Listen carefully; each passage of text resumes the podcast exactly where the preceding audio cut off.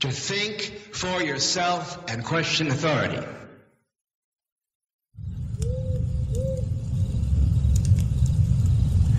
No właśnie, ledwo co zdążyłem sobie zrobić herbatę, znaleźć się przed mikrofonami z powrotem, aby cię tu przywitać, droga słuchaczko i drogi słuchaczu, w hiperprzestrzeni, w radio na fali, retransmitowanym w radiu Paranormalium, w radiu Czas Snu, ja na imię Tomek. No i pewnie znasz tą hiperprzestrzeń, znasz, te, znasz to miejsce. Spotykamy się tu chyba od pięciu lat. Z reguły w sobotę.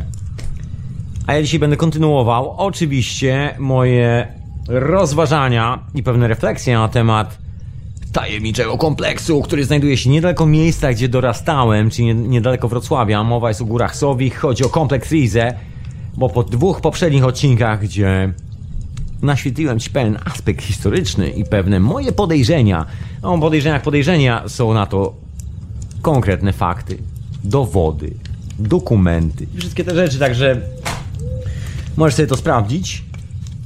Właśnie, bo ja dzisiaj miałem od czegoś zacząć. Wszystkim, e, wszystkim pozdrawiam wszystkich mecenasów radia. Może od tego zacznę, tak normalnie. Pozdrawiam Ciebie, człowieku, na czacie radiowym. Jestem na czacie radiowym oczywiście. Czat, e, czat rnf.hatango, chatango. Znaczy, możesz sobie znaleźć, hatango się pisze przez ch.com. Myślę, że bez problemu przez stronę radionafali.com. Może tam e, nie klikaj na stream, bo tam w ogóle stream nie jest odpalony. Tam strona jest under construction nieustannie ostatnio. Także na stronie przycisk nie działa tak jak trzeba, nie przejmuj się. Słuchamy za pomocą radia Czasnu oraz radia Paranormalium.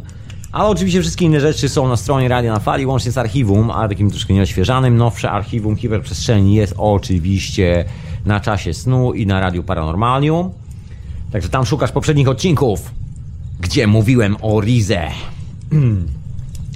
No i dzisiaj będę kończył ten temat, znaczy kończył jak kończy, teraz jest ciekawy. Właściwie temat się nigdy, może powiedzieć, nigdy nie skończył. No nie do końca, bo temat się skończył. temat się skończył w pewnym momencie od strony technicznej, natomiast od strony wyjaśnienia zagadki, tak długo jak oficjalnie nie zostanie nigdy wyjaśniona, tak długo będzie to intrygujący temat. Ja mam nadzieję, że dzisiaj, dzisiaj e, może uda mi się wyjaśnić część zagadki i nawet e, nie będę tego świadomy. Rozumiesz, powiem coś, później po latach się okaże, Tomek wiedział. Może tak będzie, a może nie. Kto to wie. Ale oczywiście jak zawsze na początek zacznę od jakiejś muzyczki, od jeszcze coś chciałem wspomnieć. Właśnie, chciałem podziękować serdecznie za kilka linków. Tak, tak, tak.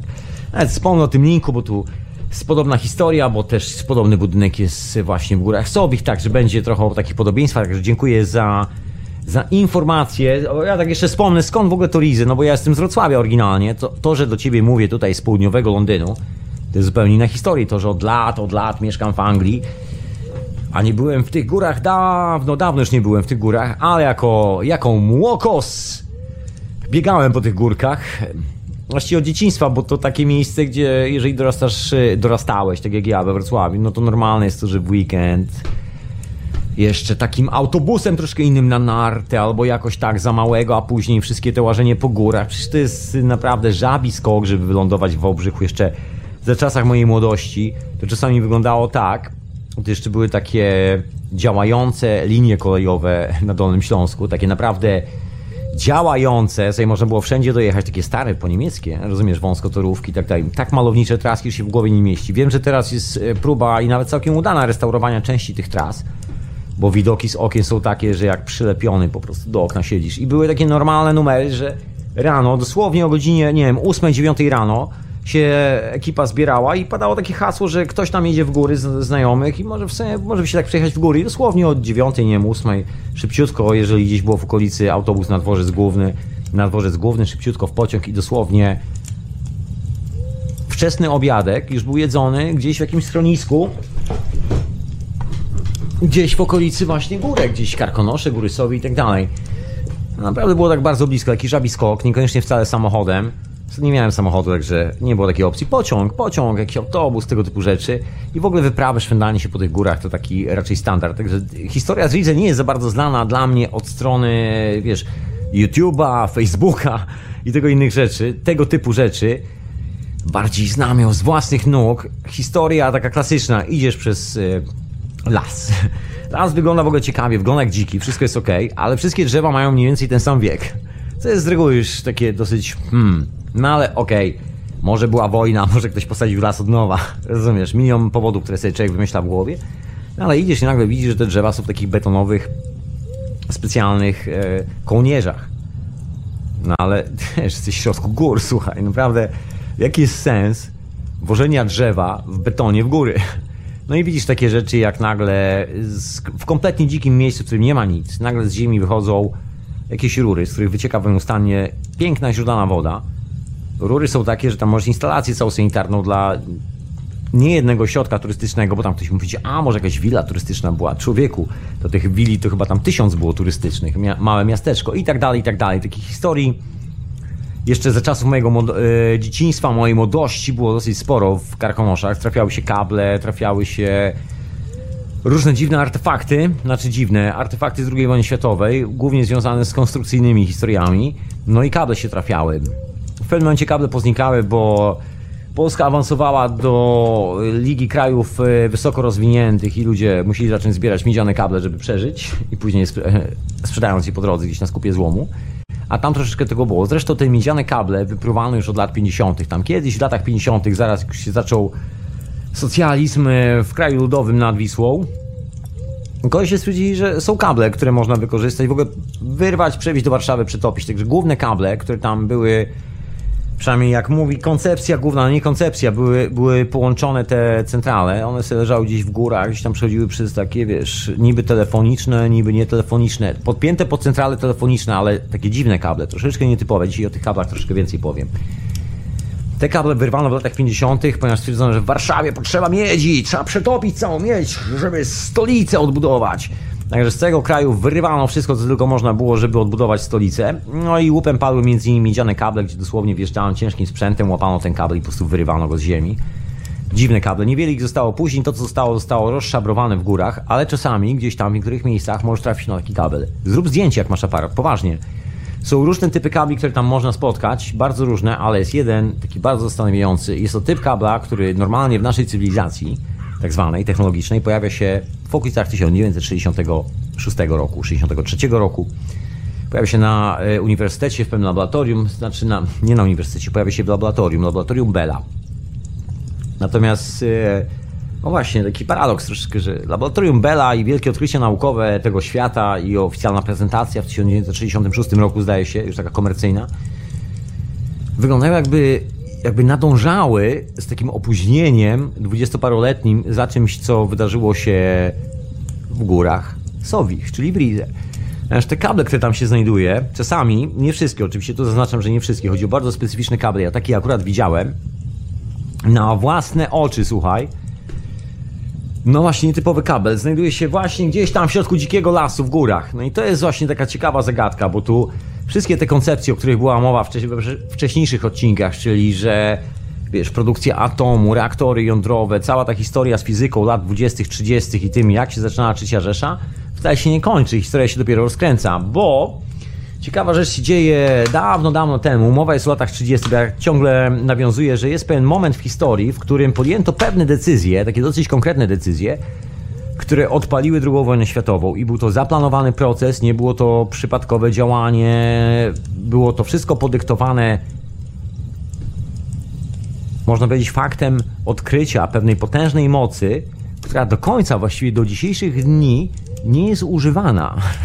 To jest największy numer i bynajmniej nie chodzi do końca o Nikolę Tesla, bo tak jak wspominałem wcześniej, w Górach Sowisz są bardzo ciekawe ślady o używaniu na instalacji pomysłu Nikoli Tesli.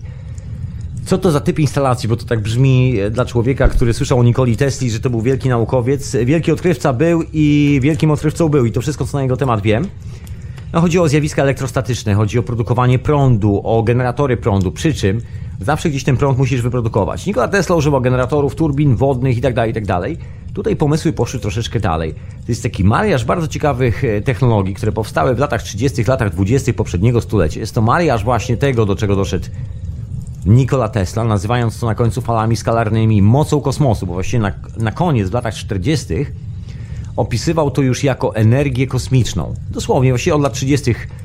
E, porzucił wszystkie te określenia typu fala skalarna, y, prądy teluryczne i tak dalej, bo wcześniej to funkcjonowało pod wieloma różnymi nazwami. Koniec końców stwierdził, że to nie jest żadne z tych zjawisk, To jest zjawisko, które ok, ma coś wspólnego z Ziemią, ma wspólnego z tym, że propaguje po Ziemi jak fala i tak dalej, i tak dalej, ale jest to po prostu i wyłącznie energia kosmosu. I na tym się skończyło. I wykonał kilka bardzo ciekawych opracowań naukowych, które rozesłał do wszystkich możliwych ambasad. My właściwie do tej pory nie wiemy, co tam zostało wysłane w tym liście. Przypomina to trochę w dzisiejszych czasach Mr. Cash, który pewnego dnia wysłał e, wszystkie te informacje, jak robić tą warstwę i tak dalej, na czym polega cała ta technologia do wszystkich mocarstw na świecie i praktycznie znakomita część mo mocarstw to zlała.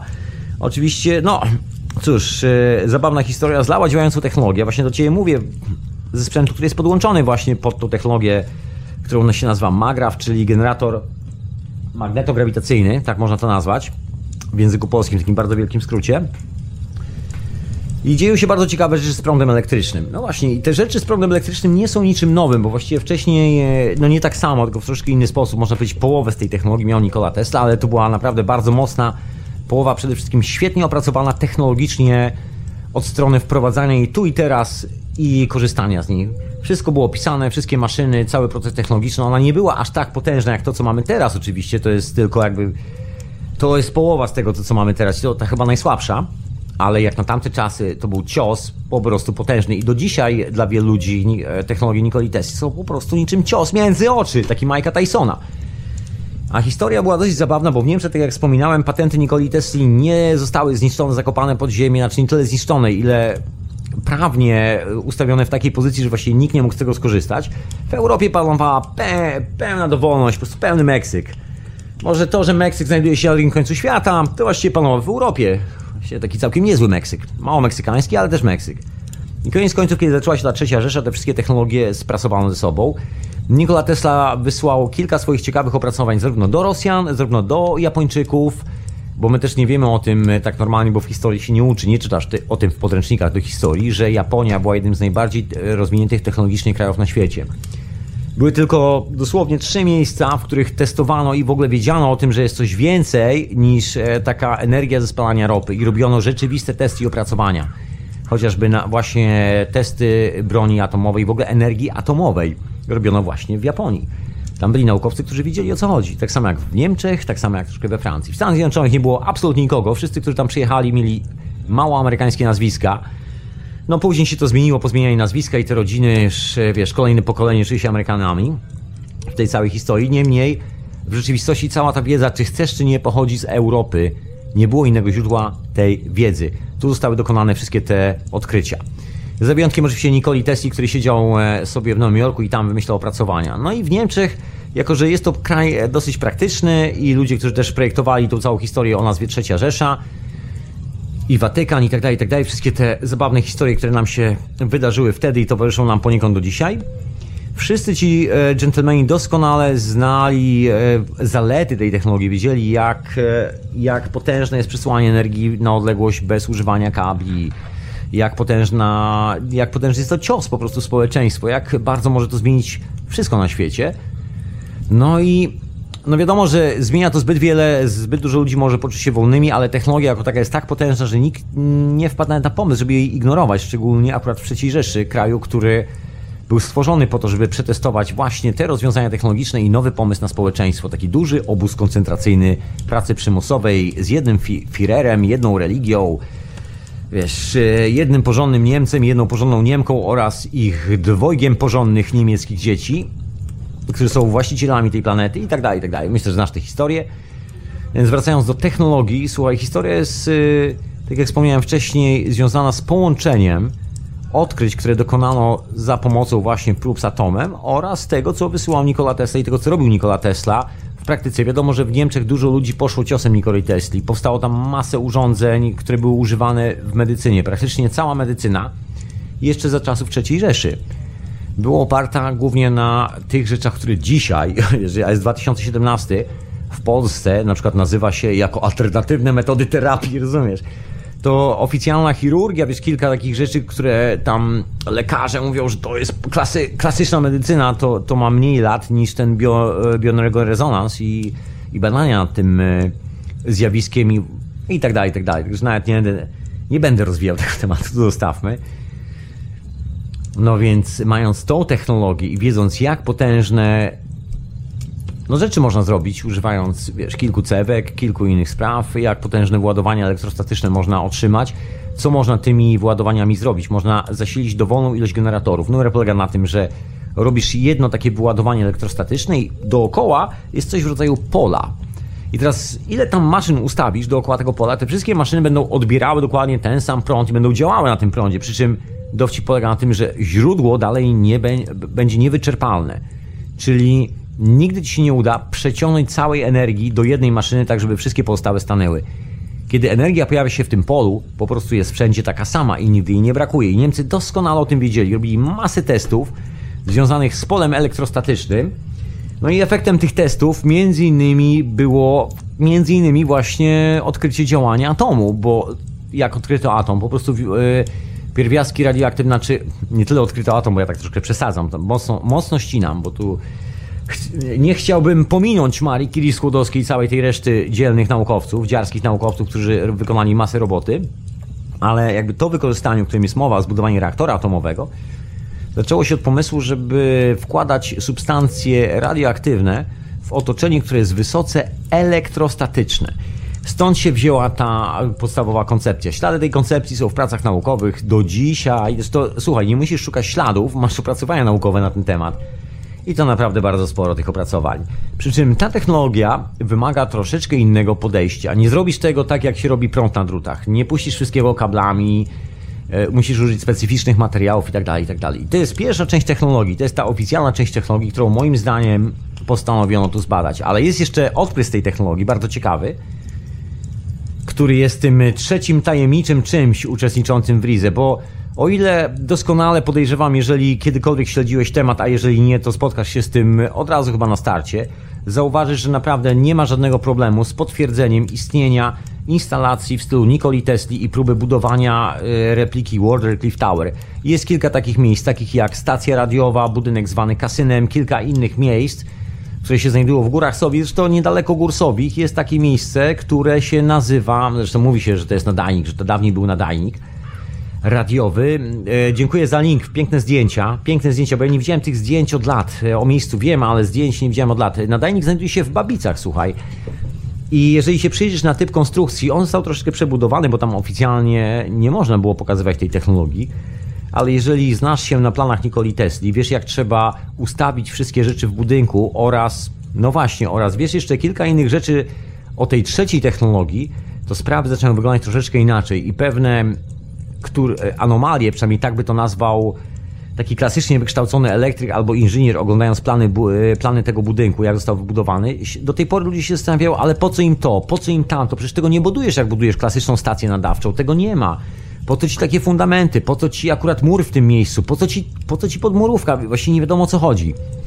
Ale jeżeli przejrzysz właśnie te stare prace Nikoli Tesli związane właśnie z konstruowaniem anteny do odbierania tego pola elektrostatycznego, niekoniecznie do odbierania informacji tylko i wyłącznie w postaci rozmowy telefonicznej albo głosowej, albo sygnału radiowego, tylko właśnie do odbierania energii, wszystko nagle staje się jasne. Te wszystkie dodatkowe sloty, te stanowiska na transformatory, te wszystkie potężne kable do uziemienia, wszystkie potężne okablowania tych instalacji właśnie do, dookoła w taki bardzo nietypowy sposób, puszczone specjalnymi studzienkami, które są no właśnie, w specjalnych ceramicznych rurach. Wszystkie te rzeczy nagle stają się jasne, bo jeżeli spojrzysz na tą technologię dzisiaj, to gwarantuję Ci, że spotkasz dokładnie te same rozwiązania. Być może spotkasz już inne materiały, bo w dzisiejszych czasach nie trzeba już korzystać e, z takich materiałów, które były 100 lat temu. Technologia się troszeczkę posunęła do przodu, ten kawałek miniaturyzacji, że tak powiem, wytaniania na materiałach. Także teraz już jest kawałek plastiku, polimeru albo coś w tym stylu, niekoniecznie ceramiki. No ale jeżeli znasz doskonale konstrukcję, i sobie przeglądałeś plany Cliff Tower, to zobaczysz kilka ciekawych budynków, właśnie między innymi w Górach Sowich, po fundamentach zobaczysz między innymi też, że był pomysł nastawiania bardzo specyficznych anten.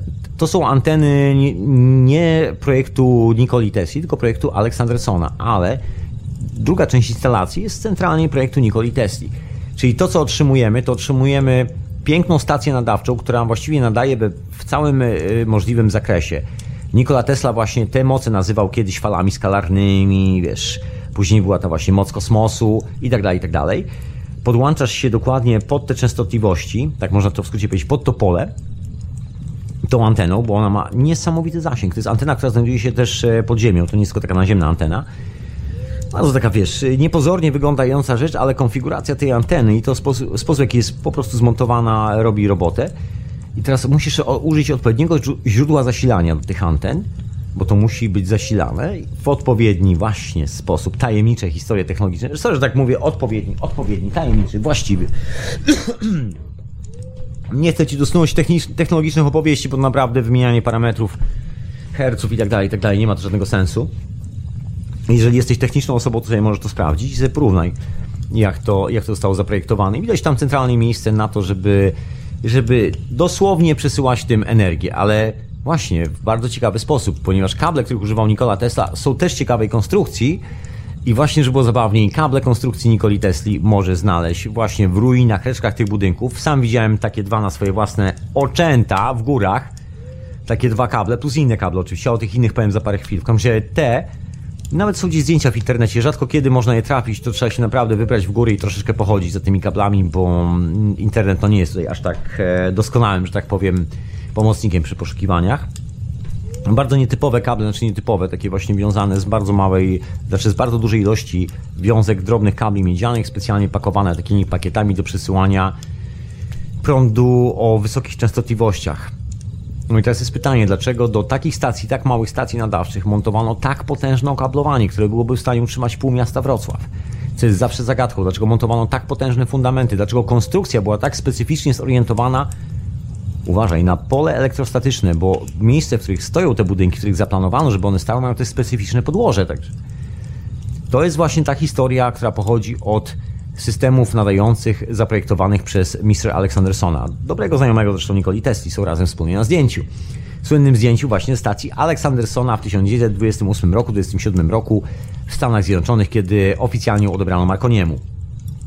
No ale jest jeszcze jedno ciekawe zdjęcie, które dokumentuje, że okej, okay, te wszystkie patenty, które prosto ze Stanów Zjednoczonych za pomocą Fundacji Rockefellera trafiały, no i pieniądze Rothschildów, trafiały bezpośrednio na biurka inżynierów w Niemczech w Instytucie Kaisera Wilhelma, po to, żeby automatycznie poza jakimkolwiek ludzkim wzrokiem zostały natychmiast sprawdzone i przetestowane w rzeczywistych warunkach. Była też inna grupa ludzi, która zajmowała się dodatkowymi zjawiskami właśnie ową radiacją materiałów. Jest takie piękne zdjęcie, które zdaje się tydzień temu wrzuciłem na czata, no to wrzucę jeszcze raz. Zdjęcie może jest niepozorne, Właściwie jest to stare czarno-białe zdjęcie kilku ludzi. Na zdjęciu jest między innymi Marii Curie-Skłodowska, ale zaraz ci, zaraz ci pokażę to zdjęcie, ono będzie na czacie. I słuchaj, yy, przeczytaj sobie, co tam jest napisane. Ja ci zaraz przeczytam, bo na pewno, jeżeli słuchasz tego w samochodzie, to raczej nie odrywaj rąk z kierownicy, bo to nie ma żadnego sensu. ja ci już opowiadam, co jest na zdjęciu. Przepraszam bardzo, ja tu się przełykam ślinę, wiesz, kicham i tak dalej. Pozwolisz, że popiję herbatę. Dobra, Cały zdrowy.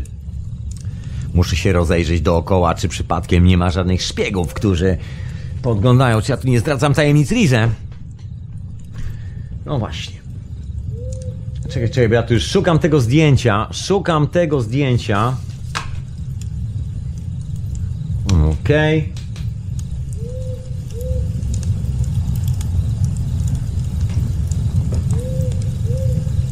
Chyba mi się udało. Jest zdjęcie na czacie Radia na Fali, także jeżeli chcesz wejść na czat Radia na Fali, to koniecznie się tam pojaw.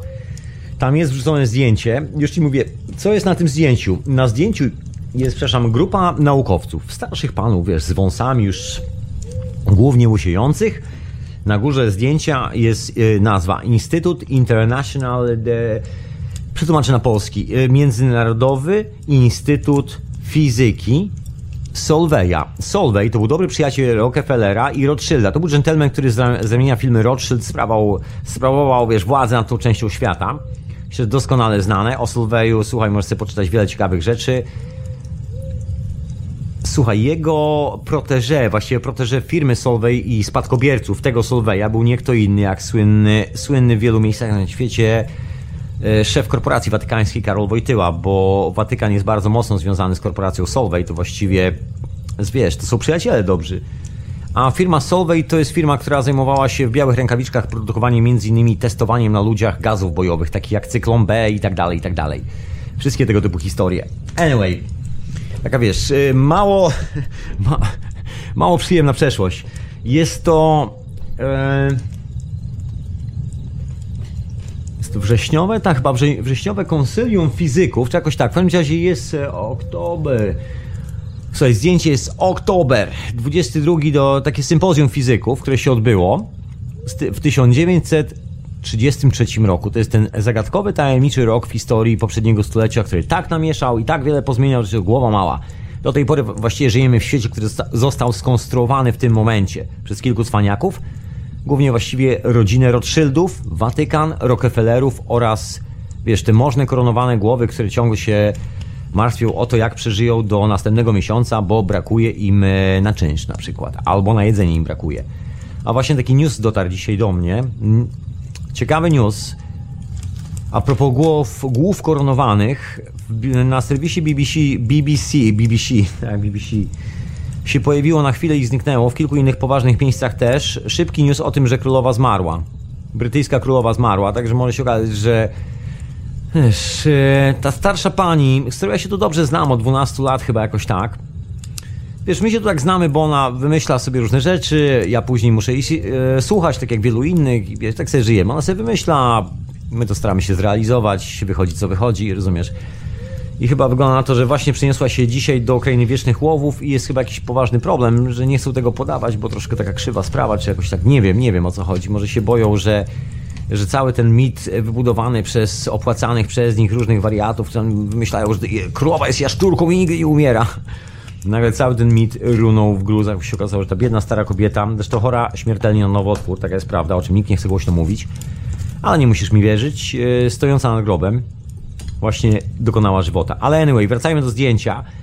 Kogo ówczesne koronowane głowy wystawiły do tego wyścigu o nową energię, o coś, co pozwoli im położyć łapę na całym świecie, na wszelkich możliwych zasobach, bo mając, tak jak cały czas powtarzam w poprzednich odcinkach, mając w ręku technologię do robienia permanentnej energii, która się nigdy nie kończy, słuchaj, i mając patenty na to wszystko i osobną, specjalnie wyprodukowaną technologię, której normalny człowiek nie jest w stanie ugryźć z poziomu ulicy, jesteś właścicielem tego człowieka, on jest twoim niewolnikiem, bo to twoja bomba zawsze wygra. To twoja bomba będzie większa, to ty masz więcej, to ty masz większe zasoby, żeby doprowadzić go do ruiny. Także w tym momencie stajesz się permanentnym właścicielem niewolników. I to było marzenie rodziny Rothschild dalej jest marzeniem tej rodziny. Innego nie mają. Oni są tak wychowani chyba od dziecka. Taka patologiczna rodzina troszeczkę, ale bywa. Y, podobnie jest w przypadku rodzin, wiesz, wszystkich tych możnych ludzi. Ale mniejsza to, stawiamy te patologiczne rodziny, które powinny wylądować u dobrego psychiatry na jakiejś rozmowie, wiesz, przede wszystkim na odwyku od kokainy i alkoholu i dziwek i pedofilii, może coś by pomogło. Zostawiamy te pokrzywione rodziny, wróćmy do tego tajemniczego zdjęcia, na którym jest cała grupa fizyków. Oczywiście pod zdjęciem jest podpis, kto jest, e, kto jest umieszczony na zdjęciu. Ja ci nie będę wymieniał. Jeżeli, jeżeli uczyłeś się kiedyś fizyki, no dobra, no dobra, powiem ci, bo jest tu kilka nazwisk. Jest między innymi Marii Curie-Skłodowska, jest Perry, jest Pauli, jest e, Herzen. Je... Och, man. Słuchaj, masz tam wszystkich. I ty dziewczyno też tam spójrz. Masz tam wszystkich fizyków, najważniejszych ludzi z poprzedniego stulecia. Ludzi, którzy stworzyli ten cały świat. Plus no oni siedzą za takim stołem e, w kształcie litery L, troszkę jakby siedzieli, w czy litery V właściwie. Wszyscy za tym stołem, a przed tym stołem stoją puste cztery krzesła i taki lekki podest dla kogoś, kto powinien stanąć na tym, taki wiesz, podest do przemówień. Tak to można nazwać. I stoją cztery puste krzesła. I jest tak fajnie opisane na dole. Pamiętaj, cztery krzesła, nie trzy, nie pięć, nie jedno, cztery puste krzesła. E, to są masoni, to są ludzie, którzy lubują się w specjalnych gestach. Tam nie ma takich sytuacji, że przypadkowo się rzeczy dzieją. Tam wszystko jest kontrolowane i każde zdjęcie ma też swój taki drobny, jakbyście powiedzieć, specjal, specjalny charakter. Jeżeli wiesz co chodzi, to kilka detali na zdjęciu to jest taki dodatkowy podpis robiony przez autorów tego zdjęcia na temat tego, czego dotyczyła ta sytuacja. Taki nieformalny podpis, bo ty widzisz grupę naukowców, ale niewiele na ten temat wiesz, po prostu siedzą naukowcy na konsylium. Więc y, pierwsza rzecz, jedno krzesło jest po to, żeby zrobić tam kogoś, żeby posadzić, bo na dole jest taki podpis pod tymi nazwiskami i to jest podpis, że absencja, czyli nieobecni na zdjęciu. I tam jest podpis, że obe, nieobecny był Mr. Albert Einstein And niejaki guy, też fizyk. Także tych dwóch panów oficjalnie nie ma na zdjęciu, chociaż są podpisani na dole, że uczestniczyli w tym e, spotkaniu Solveja, ale nie ma ich na zdjęciu. Niektórzy ludzie wtedy jeszcze nie byli zbyt pewni i nie wiadomo było, czy mają się pojawiać na zdjęciach, czy nie. Mieli, e, mieli wjazd na salony, bo robiono im sławę, robiono im karierę. Takiego kolesia jak Einstein trzeba wyprodukować, każdego z tych kolesi, tak samo jak Elona Muska trzeba wyprodukować. To nie jest tak, że jest genialny koleś, nie wiadomo skąd urwał się z dupy za przeproszeniem.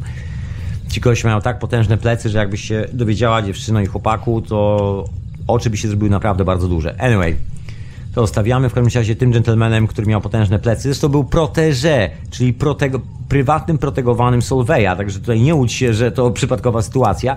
Specjalnie zostawiono dwa krzesła, żeby zaznaczyć obecność tych fizyków na tym konwencie. To była taka, wiesz, promo dla, dla tego gentlemana. Nie mogło się odbyć nic bez, bez Einsteina. Czy Einstein rozumiał z tego cokolwiek, czy nic, to nie jest istotne. To jest troszeczkę tak jak zapraszaniem Miss Świata. Wiadomo, że jest to dziewczyna, która jeżeli chodzi o znawstwo, to raczej zna się na kolorze swoich paznokci, studiowała prawo, chce y, ratować biedne dzieci w biednych krajach i wiesz, i tak dalej, i tak dalej. I walczy o pokój na świecie, rozumiesz? Właśnie stojąc w bikini na scenie i się tak wypinając. Ona walczy o pokój na świecie. I tak samo, wiesz, robi się Albert Einstein wszystkich pozostałych. I tutaj właśnie te dwa krzesła są do Alberta Einsteina, ale te dwa brakujące krzesła to są krzesła sponsorów tej całej historii. Między innymi Mrs. Solvay, który już wtedy właściwie jego następcy, bo Solvay już wtedy był chyba w zaświatach, czy jakoś tak, ten pierwotny założyciel, a drugie jest dla człowieka, który za to zapłacił. I sponsorował Rothschild. To jest to. Tych dwóch panów uwieczniło się na krześle, znaczy na krzesłach. No i oczywiście jest kwestia do przemawiania, że ktoś tam stał i przemawiał, ale to już e, zostawiam, to już jest długa historia. W każdym razie zostało to zrobione, och, dawno temu dawno temu i to właśnie y, w siedzibie i za auspicją Ro Rothschildów i właśnie rodziny Solvay, bo to się działo w Brukseli.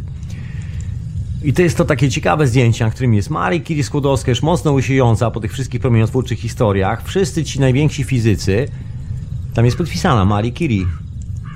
Znajdziesz w opisie na zdjęciach.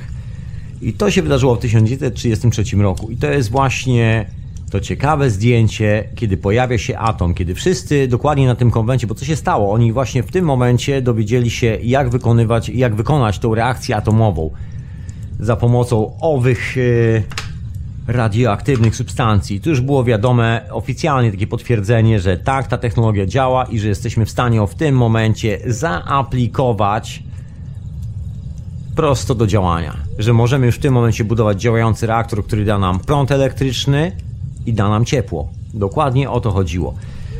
Taka historia się wydarzyła. To ja może włączę muzyczkę i przejdę teraz po tej muzyce. Muzy, muzyce. Ojejku, jej.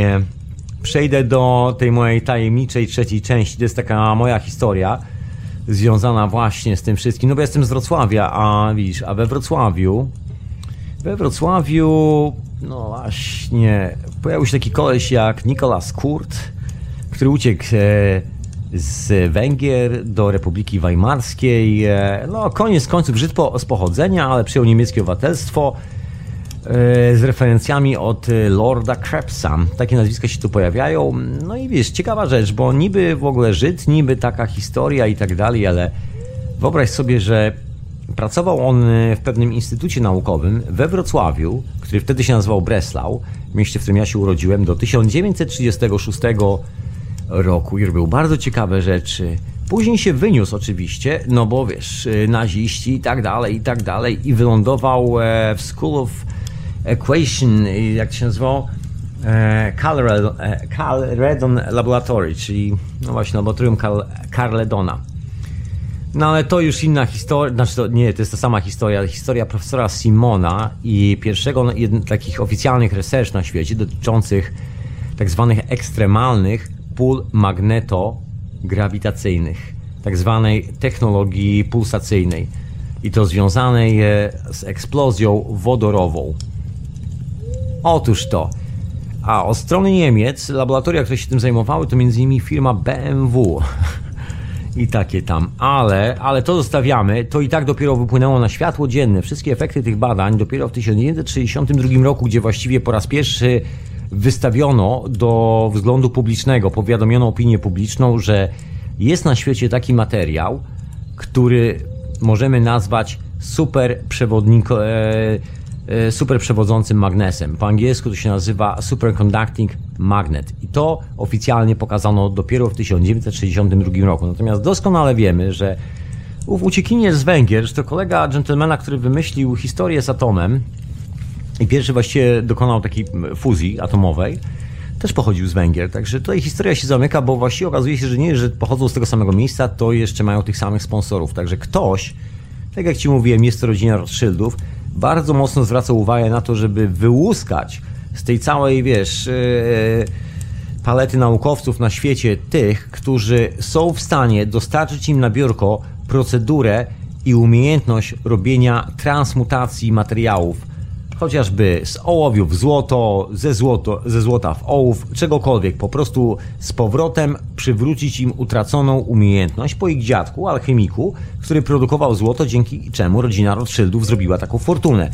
Także obsesja następnych pokoleń była prosta. Dorwać się do tej technologii z powrotem, położyć na nią łapę. Wiadomo było po pierwszych eksperymentach, że zjawiska produkcji e, i zmiany, wiesz, transmutacji, bo tak to się nazywa, transmutacji materiałów zachodzą i przy systemach Tesli, ulala, no to teraz już wiadomo dlaczego taka sprawa, e, że tak powiem, śliska była. Poza tym, że prąd za darmo, to jeszcze otwiera drzwi do pewnych zjawisk, o których ani Kościół katolicki, ani możni tego świata, ani, ro, ani rody korodowane, które jeszcze wtedy rządziły na świecie w bardzo jakiejś znaczącej części, nie chciały, nie chciały ci przekazać, bo w tym momencie kończy się paradygmat człowieka trzymającego władzę nad drugim, bo jeżeli, widzisz, ty masz taką technologię, że sobie pstrykasz palcami i na ścianie pokazuje się napis Mane Tekel Fares i naprawdę nie jest to historia z jakiejś książeczki, wiesz, e, biblijnej, tylko jest to historia, którą ty robisz swoimi palcami, pstryknięciem i wiesz jak to zrobić, wszyscy dookoła mówią, wow, ten człowiek robi cuda, a to jest po prostu technologia i ty wiesz, jak ją operować, to sprawy zaczęły się zmieniać. Problem zaczyna się wtedy, kiedy przeciętny człowiek ma dostęp do technologii, która odbiera ludziom, którzy mają nad nim władzę, ową władzę. I to jest bardzo poważny problem dla tych ludzi. I poszukiwanie technologii, która da im permanentną kontrolę nad zasobami, nad drugim człowiekiem jest ich wręcz e, obsesją. No, mi się wydaje czasami, że ci ludzie za sens swojego życia uznają tylko i wyłącznie to. No ale to już zostawiam do naszego prywatnego, osobistego oglądu. Ja tu jeszcze tylko e, wrócę na moment e, do historii, która się działa na Uniwersytecie Oxford e, w 1930 roku, gdzie Mr. Owen próbował zrobić właśnie, wiesz, wykonać wszystkie te magnetyczne historie, próbował z, zrobić te eksperymenty, stworzyć jakiś super magnes, wiedząc o tym, że helium, niskie temperatury, że, że to się inaczej zachowuje. Wszystkie materiały i pola elektrostatyczne się zupełnie zmieniają i dzieją się dziwne rzeczy właśnie podczas zmiany temperatur, podczas zmiany struktury gazowej dookoła. Takie bardzo naukowe rzeczy. Po prostu masz kawałek prądu elektrycznego, wiesz, w dwóch kablach. Przecinasz ten kabel i masz między nimi iskrę elektryczną. Mówiąc w bardzo wielkim skrócie. I teraz pytanie, gdzie ty włożysz te dwa kable? Jeżeli włożysz do zbiornika z czymś zimnym, to się zachowa tak, a nie inaczej. Jeżeli włożysz do zbiornika z konkretnym gazem, który jest schłodzony, nagle się okaże, że wszystkie żarówki dookoła świecą. To jest numer związany z tym, że bierzesz 12 V, poważnie, bierzesz bateryjkę 12V DC, taką kupioną, wiesz, akumulator w sklepie elektrotechnicznym albo gdziekolwiek w kiosku. Podłączasz to kablami do, do takiej szklanej żarówki. W żarówce musisz mieć kombinację gazów, odrobinę argonu, próżnię, masz próżnię i gaz argon, a na dole oprócz argonu musisz mieć płynną rtęć, odrobinę tej płynnej rtęci. Jedna katoda, czyli jeden kawałek prądu elektrycznego jest doprowadzony do tej rtęci oraz dwie anody wystają ponad tą rtęć. I włączasz to do prądu. I w tym momencie okazuje się, że ta lampa robi tak potężne zjawisko elektrostatyczne, że prąd, który jest odbierany na wyjściu z tej lampy, jest znacznie większy niż prąd, który ładujesz do tej lampy. Jeszcze na tych lampach chodziło tutaj metro w Londynie przez długie, długie lata. To tak jakby się ktoś zastanawiał, gdzie jest ta wolna energia? No jest cały czas, tylko widzisz to trzeba się dalej e, drapać, że tak powiem, po jajach, oglądając zdjęcia panienek w bikini, zamiast e, prześledzić sobie dokumentację techniczną, to gwarantuję Ci, że przez kolejne 200 lat twoje dzieci też będą się drapały po jajach i dokumentacja techniczna pokryje się kurzem i nikt nie będzie wiedział, że takie rzeczy były możliwe. Później w telewizji obejrzysz magika i wiesz, wow, pierwszy raz widzę w życiu, no bo taka jest prawda. No. Trzeba się troszeczkę czasami przekopać przez ten kurz i sprawdzić, co tam było, niekoniecznie oglądając reklamy z dziewczynami w bikini i browarem oraz meczykami w telewizji. Ci panowie nie zajmowali się oglądaniem meczy w telewizji, piciem browaru i laskami w bikini. Zajmowali się czymś troszeczkę innym. Szukali tego magicznego wejścia tej energii. Wszyscy wiedzieli doskonale, że radioaktywność ma jeden mankament. Jest radioaktywna. Widziała to Marie Curie, Skłodowska, widzieli to wszyscy. Wiedzieli o tym, że od prześwietlenia się umiera. Wiedzieli o tym, że coś takiego istnieje. Niemcy odkryli ciekawą rzecz. Odkryli, że Y, pole elektrostatyczne skonstruowane w bardzo taki ekscentryczny sposób, z dziwnych napięć elektrostatycznych, niekoniecznie z jednego, różne takie dziwne historie, bardzo skomplikowana sprawa, w cudzysłowie mówiąc, dla przeciętnego człowieka, dla technika bardzo prosta, potrafi przeciwdziałać skutkowi promieniowania. I tak oto zaczęły się ciekawe historie. Ale wróćmy, wróćmy do tego Wrocławia, wróćmy do Instytutu Kaisera Wilhelma, wróćmy do tych wszystkich teorii, bo wtedy na świecie, słuchaj, wszystkich oficjalnie w szkołach, e, które startował Rockefeller za pieniądze Rothschilda. Wtedy zmieniano typ edukacji. Zaczęto uczyć ludzi na pamięć, a nie uczyć rzeczywistej wiedzy, co się zresztą dzieje do dzisiaj. Dzisiaj lekarzom dalej się wydaje, że w ludzkich żyłach płynie krew, bo zrobili analizę chemiczną i wyszło im, że to jest H2O, czyli jeden, jeden wodór z dwoma tlenami. No ale jak zrobisz analizę troszeczkę inne, to się okaże, że tam nie płynie woda. Ale widzisz, zwykły lekarz dalej nie ma tej percepcji tego, wiesz, w jakim świecie mieszka. Ale to jest zaleta i zasługa. Yy, zdobycz yy, rodziny yy, Rockefellerów i Rothschildów, że stworzyli takie piękne uniwersytety z taką piękną dziedziną, jak, jaką jest współczesna medycyna, która jest oparta na patentach z, związanych z budową polimerów, czyli e, wszystko cokolwiek może zrobić ropy. Przecież połowa tych substancji, które są w tabletkach, opakowania i tak dalej, to wszystko jest robione z plastiku. To wszystko są jakieś polimery, syntetyczne substancje, które ktoś musi wyprodukować. I komponenty do tych sztucznych substancji są opatentowane. I nie byłoby nic problem, e, żadnego problemu z tym wszystkim, gdyby nie to, że nikt nie płaci za sam fakt posiadania patentu, także musisz zmusić bardzo dużą ilość ludzi do tego, żeby kupowała twoje produkty i żeby przestawiła całe swoje życie na to, żeby zależało od ciebie. Także ta sztuczka się udała ale wiadomo było, że jest coś innego, że jest inna fizyka i to nie jest ta fizyka, którą się uczy tłuków w szkole, tylko jest taka fizyka, która co dużo mówić, e, pola magnetyczne dokładnie, elektromagnetyczne, magnetyczne to jest e, to nad czym pracowano. Słuchaj, nad, e, nad cewkami, które były chłodzone wodą po to, żeby zrobić na nich zjawisko elektrostatyczne, bo wiadomo, że woda jest propagatorem tych zjawisk na Uniwersytecie w Oxfordu jeszcze w latach dwudziestych. Słuchaj, naprawdę wiele rzeczy się działo na świecie, teraz się o tym nie mówi. No ale największe, yy, największe właśnie, taka największa praca została wykonana w Niemczech, ale, taka ale ta praca była wykonana do spółki z Anglikami. Przecież e, Sir Francis Simon, który partycypował i po tej stronie kanału Lamasz i po tamtej w tych wszystkich badaniach.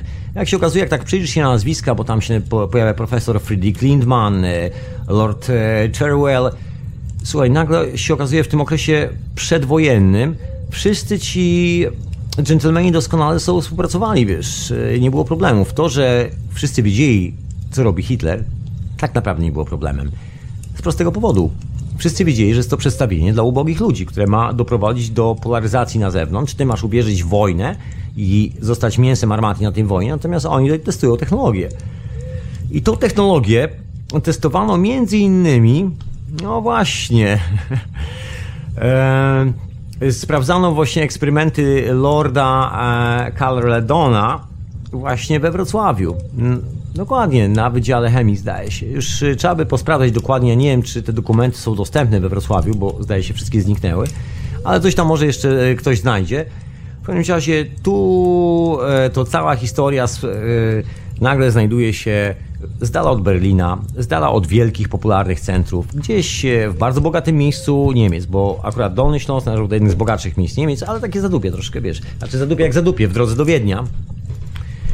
Miasto nazywane drugim Wiedniem i drugim Berlinem z powodu na swoją urodę, która została zmieciona z ziemi przez rosyjskie naloty i nazistów broniących się w mieście. W każdym razie w tym mieście po raz pierwszy postanowiono sprawdzić coś takiego, co się nazywa superprzewodnik, czyli nadprzewodnik i sprawdzić, jak to w ogóle wygląda y, od strony właśnie substancji radioaktywnych. A dokładnie to we Wrocławiu ów e, niemiecki Żyd, który nie miał jakoś problemu z funkcjonowaniem w III Rzeszy, która była w pełni nazistowska, słuchaj, robił sobie separację uranu. Rozumiesz? I nie miał z tym żadnego problemu. I robił sobie tę separację uranu naprawdę dosyć długo. Tam zanim wyjechał z Niemiec, to wiesz, tam trochę czasu minęło. I naprawdę nie było z tym żadnego problemu. I e, zresztą ten gentleman e, zrobił, e, zaprojektował cały equipment, znaczy wyposażenie do studia Joe Milligana, takiego kolejnego naukowca, który pracował nad niskimi temperaturami. To jest ciekawa sprawa, prawda? Takie połączenie, że tu koleś, tu słuchaj sobie we Wrocławiu po cichutku, nikt o tym nie wie, słuchaj, separuje sobie uran, jest 1936 rok, rozumiesz?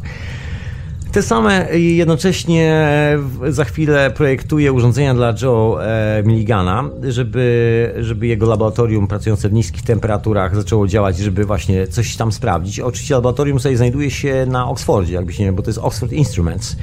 To takie ciekawe połączenie. Znaczy, ale nie zapomnij o jednej rzeczy, bo możesz się dziwić, że naziści i Anglicy, którzy wtedy, wiesz, pro, cze, e, protestowali przeciwko nazistom, że tam, wiesz, Hiszpania, wojna domowa, że Hitler i tak dalej, i tak dalej. Nie, jakie protesty są gazetowe oczywiście, tak jak teraz w dzisiejszych czasach. Wszystko jest wymyślane, żeby zrobić po prostu tylko zadymę dookoła. Natomiast współpraca naukowa cały czas trwa, tym bardziej, że pracują na zlecenie właściciela i jednej i drugiej strony.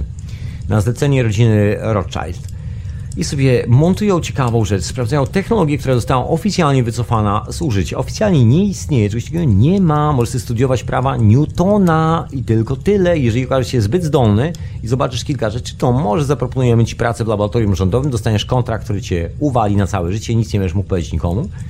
Wiesz, tajemnica rządowa. Oficjalnie ta technologia nie istnieje. Chodziło o niskie temperatury w Oxford University. Te wszystkie rzeczy, które były robione w Niemczech, y, właściwie, wiesz, tak powtarzano, próbowano testować w Oxford. Taka ciekawa historia. Tuż, y, tuż pod okiem rodziny królewskiej, pod okiem Amerykanów, to taka tajna niby niemiecka technologia. I ci ludzie, pomimo że nazizm, pomimo że wiesz, wojny, pożogi wojny, rozpa e, rozpacz i trwoga, sobie nie było problemu. Paszporty tych ludzi działały na każdej granicy. Ciekawe. No ale nic dziwnego, skoro rodzina królewska, to znaczy członek rodziny królewskiej był generałem SS. Dosłownie brat tej dzisiejszej królowej, tak, tak, tej królowej, która prawdopodobnie jest już martwa, przynajmniej w wymiarze fizycznym, w tym kraju, należał do SS i był generałem SS-u, to dużo mówić. No właśnie, on odpowiadał za kontakt pomiędzy rodzinami, pilnował, co się tam dzieje na Włościach, w laboratoriach. Zresztą tak powstało, słuchaj, e, tak zwany British Oxygen, e, Oxygen Company. Dokładnie właśnie na tych patentach, na tej pracy badawczej. W każdym razie Niemcy, wydaje mi się, i tu już jest, tu się zaczyna moja spekulacja. Jeszcze tylko Ci powiem o kilku rzeczach przed spekulacją, bo e, cała ta historia tego jest związana naprawdę z bardzo ciekawymi rzeczami. Chodzi o, o y, firmę o nazwie Hillman Cards, która pracowała nad e, wszystkimi sprawami związanymi z magnetyzmem. E, tam jest e, kolejna firma, która się nazywa Royal Radar Establishment Malvern, czy jakoś tak? Malvern? Malvern. Jest masa takich dziwnych organizacji gdzieś na styku rządu, wiesz, prywatnych korporacji. Oczywiście wszystko to jest dodatkowo, wszystko to chodzi na patentach, praktycznie patentach, na technologii, która przychodzi prosto z Niemiec. Wygląda to dokładnie tak, jakby laboratoria w Niemczech. Gdzieś tam po cichu we Wrocławiu, gdzieś tam po cichu w e, Instytucie pod Berlinem, gdzieś w Berlinie, gdzieś za Berlinem, gdzieś e, w Bawarii, gdzieś w Rize. A właśnie w Rize niekoniecznie, bo tu zaraz, zaraz ci powiem, co ja na ten temat wiem. Ale część, znakomita część laboratoriów w Niemczech non-stop zasuwała i dostarczała wszystkie wyniki badań do swojego mecenasa, który się nazywał Rothschild. Wszystko było finansowane, wszystko było, że tak powiem, finansowane. Ciekawa rzecz, y, przez tak zwany Drummond's Bank, gdzie ta rodzina, no właśnie, bo tam jest jeszcze rodzina, och, dużo ludzi, rodzina tych naukowców, którzy włożyli w to pieniądze, musiała jakoś to wybierać, wszystko. No wiesz, wszystko musiało być poukładane. Historia z Oxfordem polega na tym, że, że eksperymenty, które tam zaczęto w latach 30., e, a dokładnie Mr. Owen, e, przyprowadzać, miały pewne problemy i no nie dało się z tego nic zrobić. Tam była, była historia, żeby wystartować, wiesz, firmę i tak dalej, i tak dalej, ale widzisz, nie było przede wszystkim ludzi, którzy by to mogli robić, bo na świecie było dosłownie paru specjalistów w tej dziedzinie. Wszyscy pracowali jak jeden mąż w laboratoriach za puszkę przysłowiowego ryżu wiesz, wojna, wielkie Niemcy, naukowcy pracują dla swojego narodu, albo żeby ocalić swoją dupę, a wszystkie te dane są pakowane i wysyłane do odpowiednich ludzi, którzy wcale nie mieszkają w Niemczech. Anyway, wszystko tylko po to, żeby znaleźć tą metodę transmutacji, bo wiadomo, że jest blisko. Wiadomo, że żeby to wykonać, trzeba zmienić pole grawitacyjne, bo pole grawitacyjne w jakiś sposób determinuje materię. I tam oto po raz pierwszy zaczęto pracować nad tak zwanych, na tak zwanych ma magnesach e, w warunkach nadprzewodnictwa, używając, e, używając helu. Tadam, to jest ten moment, gdzie polewasz helem kawałek czegoś, bierzesz magnes nad to, kładziesz i ten magnes stoi cały czas w tym samym miejscu. Jak go rozkręcisz, to magnes się cały czas kręci. Tak długo jak utrzymujesz niską temperaturę, tak długo materiał dostaje ciekawych właściwości. Ale tutaj jeszcze słowno jednej rzeczy. W 1936 roku pojawia się ciekawa rzecz. Y, ktoś w Niemczech prawdopodobnie, nie wiem, to już jest moja spekulacja, że tutaj sprawy się rozchodzą. Niemcy coś skumali, coś zauważyli, że jest coś więcej. Być może zauważyli, że rodzina Rothschildów nie jest zainteresowana niczym innym poza bardzo takim wąskim jakby sposobem robienia transmutacji, który jest oparty na bardzo skomplikowanych zasadach. A Niemcy odkryli coś bardzo prostego. Coś naprawdę coś przerażająco prostego. Chodziło o tą interakcję pól e, elektromagnetycznych i interakcję pól teraz wiemy, że są pola grawitacyjno-magnetyczne, są pola radiacyjne, tak można to nazwać, czyli pola promieniotwórcze. No i Niemcy odkryli kilka rzeczy, o których nie powiedzieli nikomu. O ile mieli fuzję atomową, to odkryli coś takiego, co aktualnie w nauce nazywa się fuzją neutronową. Brzmi strasznie pogięcie, ale już Ci tłumaczę o co chodzi, bo naprawdę sprawa jest banalnie prosta. Atom to jest, e, to jest reakcja atomowa na poziomie atomu, że powstaje takie łupnięcie, że wszystko się rozsypuje dookoła, ale wzruszasz materię na poziomie atomowym. Wszystko się składa na świecie z atomu, elektronów i neutrona z drugiej strony, albo paru neutronów. Zwał jak zwał. I to pomiędzy się nazywa przerwa pomiędzy protonem i neutronem w fizyce. Tak jest skonstruowany cały świat. Jeżeli teraz zrobisz reakcję protona mocną, trzaśniesz go konkretnie, to możesz zacząć reakcję pomiędzy wszystkimi innymi protonami. To jest e, reakcja atomowa. E, oddziałujesz na protony. Natomiast reakcja neutronowa oznacza się tym, że oddziałujesz na taki bardzo tajemniczy kawałek tego całego kosmosu. Nawet do dzisiejszych czasów nauka ma z tym problem. A ja akurat nie mam, ale to inna sprawa. Yy, chodzi o neutron, że robisz fuzję neutronową i to jest w ogóle ciekawa rzecz, bo ile przy fuzji atomowej wszyscy sąsiedzi, wszyscy cię widzą, powstaje gigantyczny grzyb, wiesz, radioaktywność, bardzo łatwo jest się znaleźć, specjalne pierwiastki do tworzenia tej fuzji, specjalne paliwo do reaktora, rozumiesz, wszystkie te historie po drodze, to jesteś tak łatwo namierzalny, że no wszyscy cię znajdą, każdy, kto się chociaż odrobinę na tym zna i wie czego szuka, od razu trafi na, na twój ślad. Ale się okazało, że jest jeszcze substancja o nazwie neutron. Jest to związane z polami magnetycznymi. I Niemcy o tym doskonale wiedzieli. Słuchaj, tradycja niemieckiej nauki to jest Viktor Schauberger między innymi. To są te vorteksy. Wiadomo było, że vortex generuje potężną reakcję w wodzie, przy czym ta reakcja... A gdzie jest mój las? Gdzie jest mój las? No właśnie, las gdzieś znikł i już się pojawia.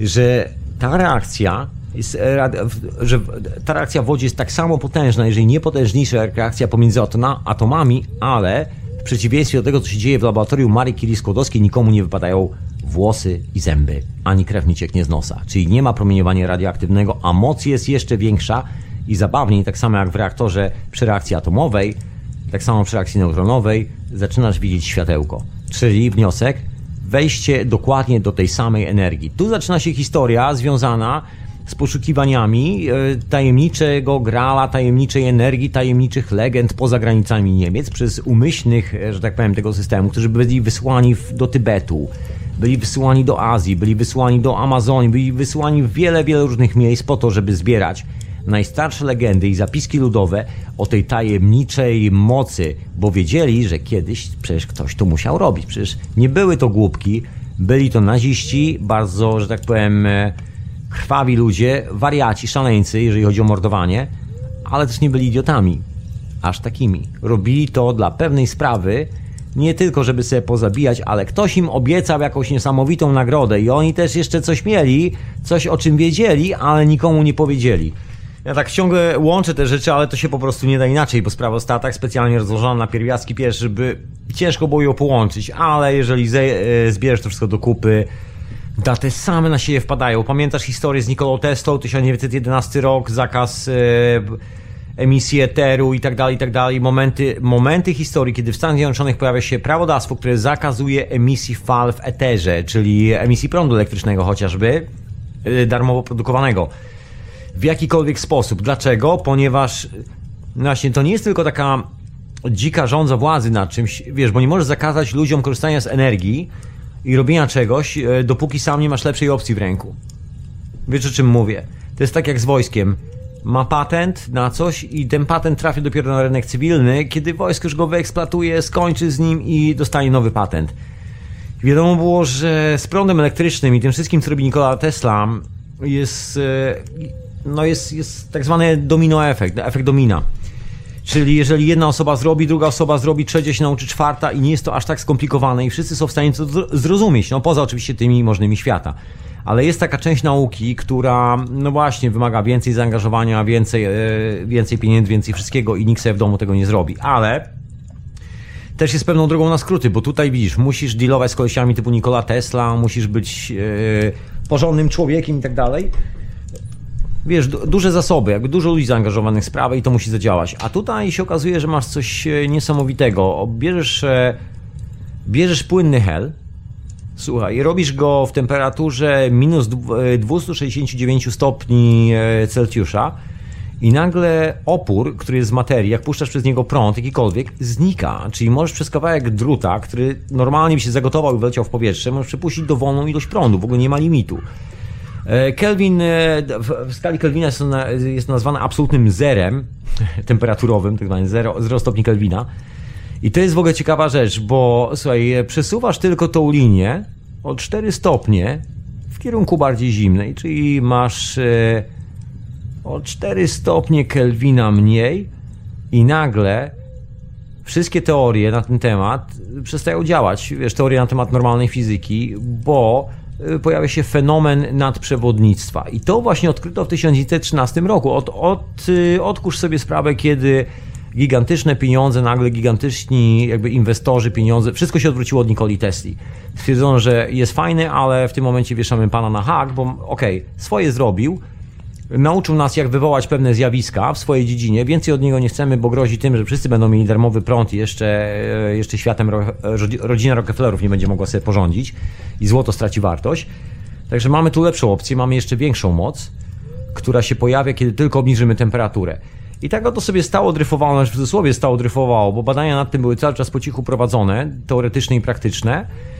No i w 1933 roku dwóch e, niemieckich dżentelmenów, e, Walter Messner i e, Robert Ohenfold, dokonują udanego e, eksperymentu, powtarzalnego i wszystko działa. Już było zabawniej, ten pierwszy efekt w 1913 roku został odkryty przez Heinka e, Kammerfinga, nie wiem czy dobrze wymowałem te niemieckie nazwiska, e, na Uniwersytecie w Liden w Niemczech, także naprawdę nie było to zbyt daleko, że tak powiem, to wszystko po drodze, jak widzisz, wszystko działo się dosłownie w Niemczech, na miejscu, także też też taka przesłanka, jakbyś chciał się zastanawiać, dlaczego akurat w Niemczech postanowiono przeprowadzić ten eksperyment socjotechniczny z tworzeniem nowej ludzkiej genialnej rasy. Zresztą tam było najwięcej naukowców, tam był największy potencjał intelektualny i wiesz, mamy miejsce do kontrolowania tego wszystkiego. Wszystko na miejscu, można powiedzieć.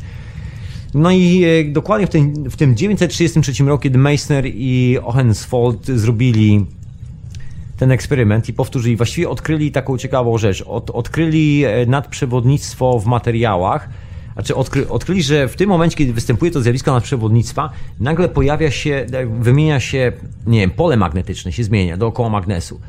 I kiedy przesuwasz ten magnes, to to pole sobie zostaje. No, nie chcę wbijać w techniczne rzeczy, mógłbym Ci oczywiście wytłumaczyć, na czym polega nadprzewodnictwo, tak się stami, czyli tłumaczyć, to jest sobotni wieczór, generalnie przesuwając, słuchaj, tworzy się puls pola magnetycznego i w tym fenomenie, słuchaj, zwanym tak zwanym diamag diamagnetyzmem, pojawia się magnetyzm i diamagnetyzm, takie dwie rzeczy obok siebie i nagle w tej temperaturze, to się nazywa Meissner efekt, jak chcesz przeczytać o tym troszeczkę więcej. Sorry, nie będę tego tłumaczył, nie chcę mi się. Jest sobotni wieczór, sobie odkładam wszystkie te naukowe rzeczy na bok.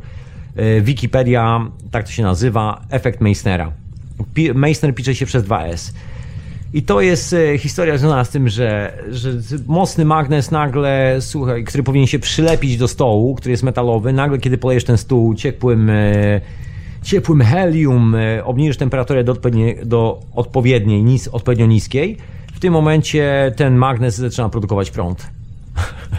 Nadprzewodzący materiał nagle przewodzi energię z kosmosu, rozumiesz?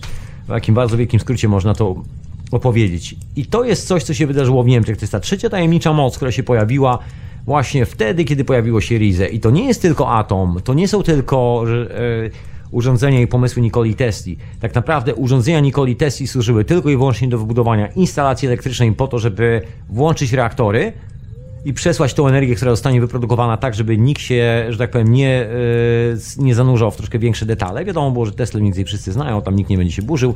Można tego użyć, jest świetną metodą i to doskonale pasującą właśnie do tego sposobu pozyskiwania energii, bo nikt nie jest w stanie zlokalizować źródła produkcji energii, kiedy ty je sprytnie ukryjesz gdziekolwiek i nagle robisz e, szast, prask, włączasz pstryczek, elektryczek i w całych Niemczech żarówki włożone w ziemię się świecą prądem elektrycznym. Oczywiście odpowiednie żarówki produkowane przez niemiecki rząd, które mają dostosowanie do odpowiednich parametrów, są dostosowane do odpowiednich parametrów elektrycznych na przykład. Mają odpowiednią częstotliwość albo coś w tym stylu odbioru tego prądu. Taki był pomysł na zastosowanie Tesli. Drugim pomysłem było to, że trzeba było zapłacić frycowe, ponieważ ta transmutacja, która miała zostać sprzedana rodzinie Rockefellerów i właśnie to, nad czym pracowano, miało się odbyć w dziedzinie atomowej. Wiadomo, że jest tam promieniotwórczość i tak dalej, i tak dalej. Niemcy tam ciężko pracowali nad tym, żeby tą promieniotwórczość zanihilować. Wygląda na to, że mi się udało doskonale.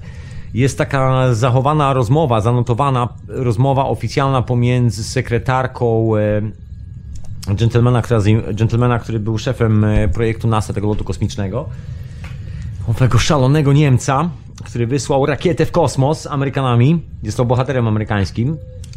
Tak, tak, e, o tego samego gentlemana chodzi i e, tam na czacie chyba zaraz ktoś poda nazwisko.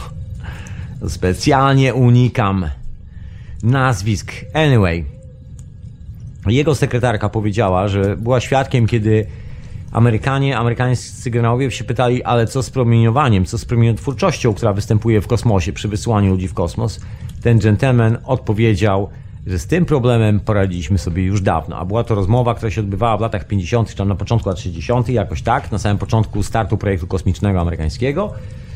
No i się okazało, że, że ten problem jest rozwiązany. Jak zanihilować promieniotwórczość? No normalne, Niemcy pracowali nad tym od samego początku. Właściwie wszystkie najważniejsze odkrycia zostały właśnie wykonane w owym kraju.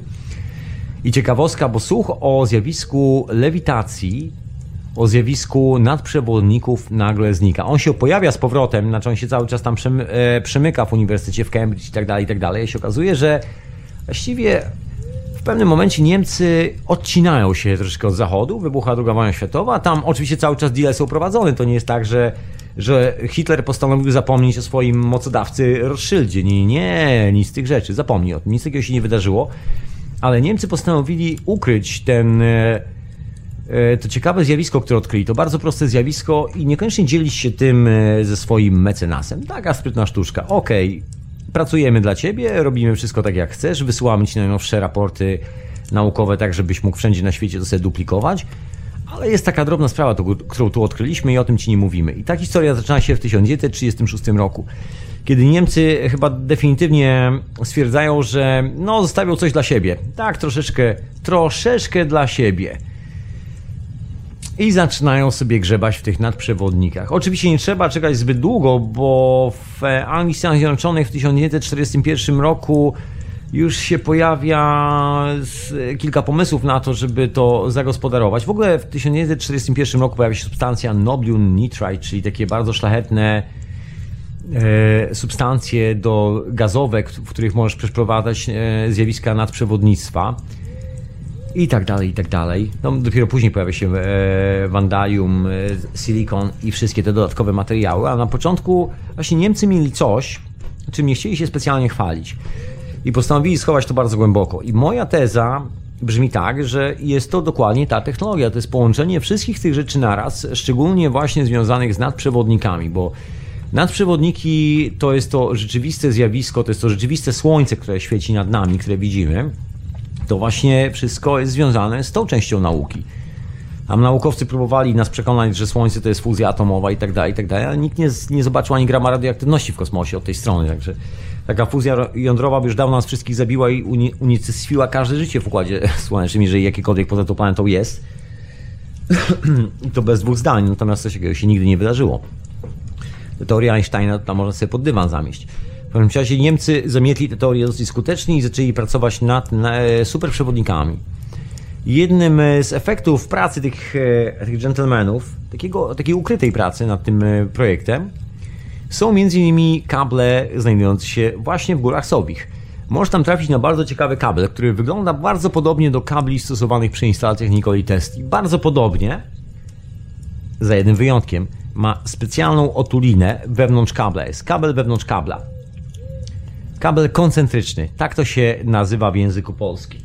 I Niemcy o tym nic za bardzo nie mówili, ale prawda jest taka, że zanim pojawił się kabel koncentryczny oficjalnie, a kabel koncentryczny pojawił się w latach 60.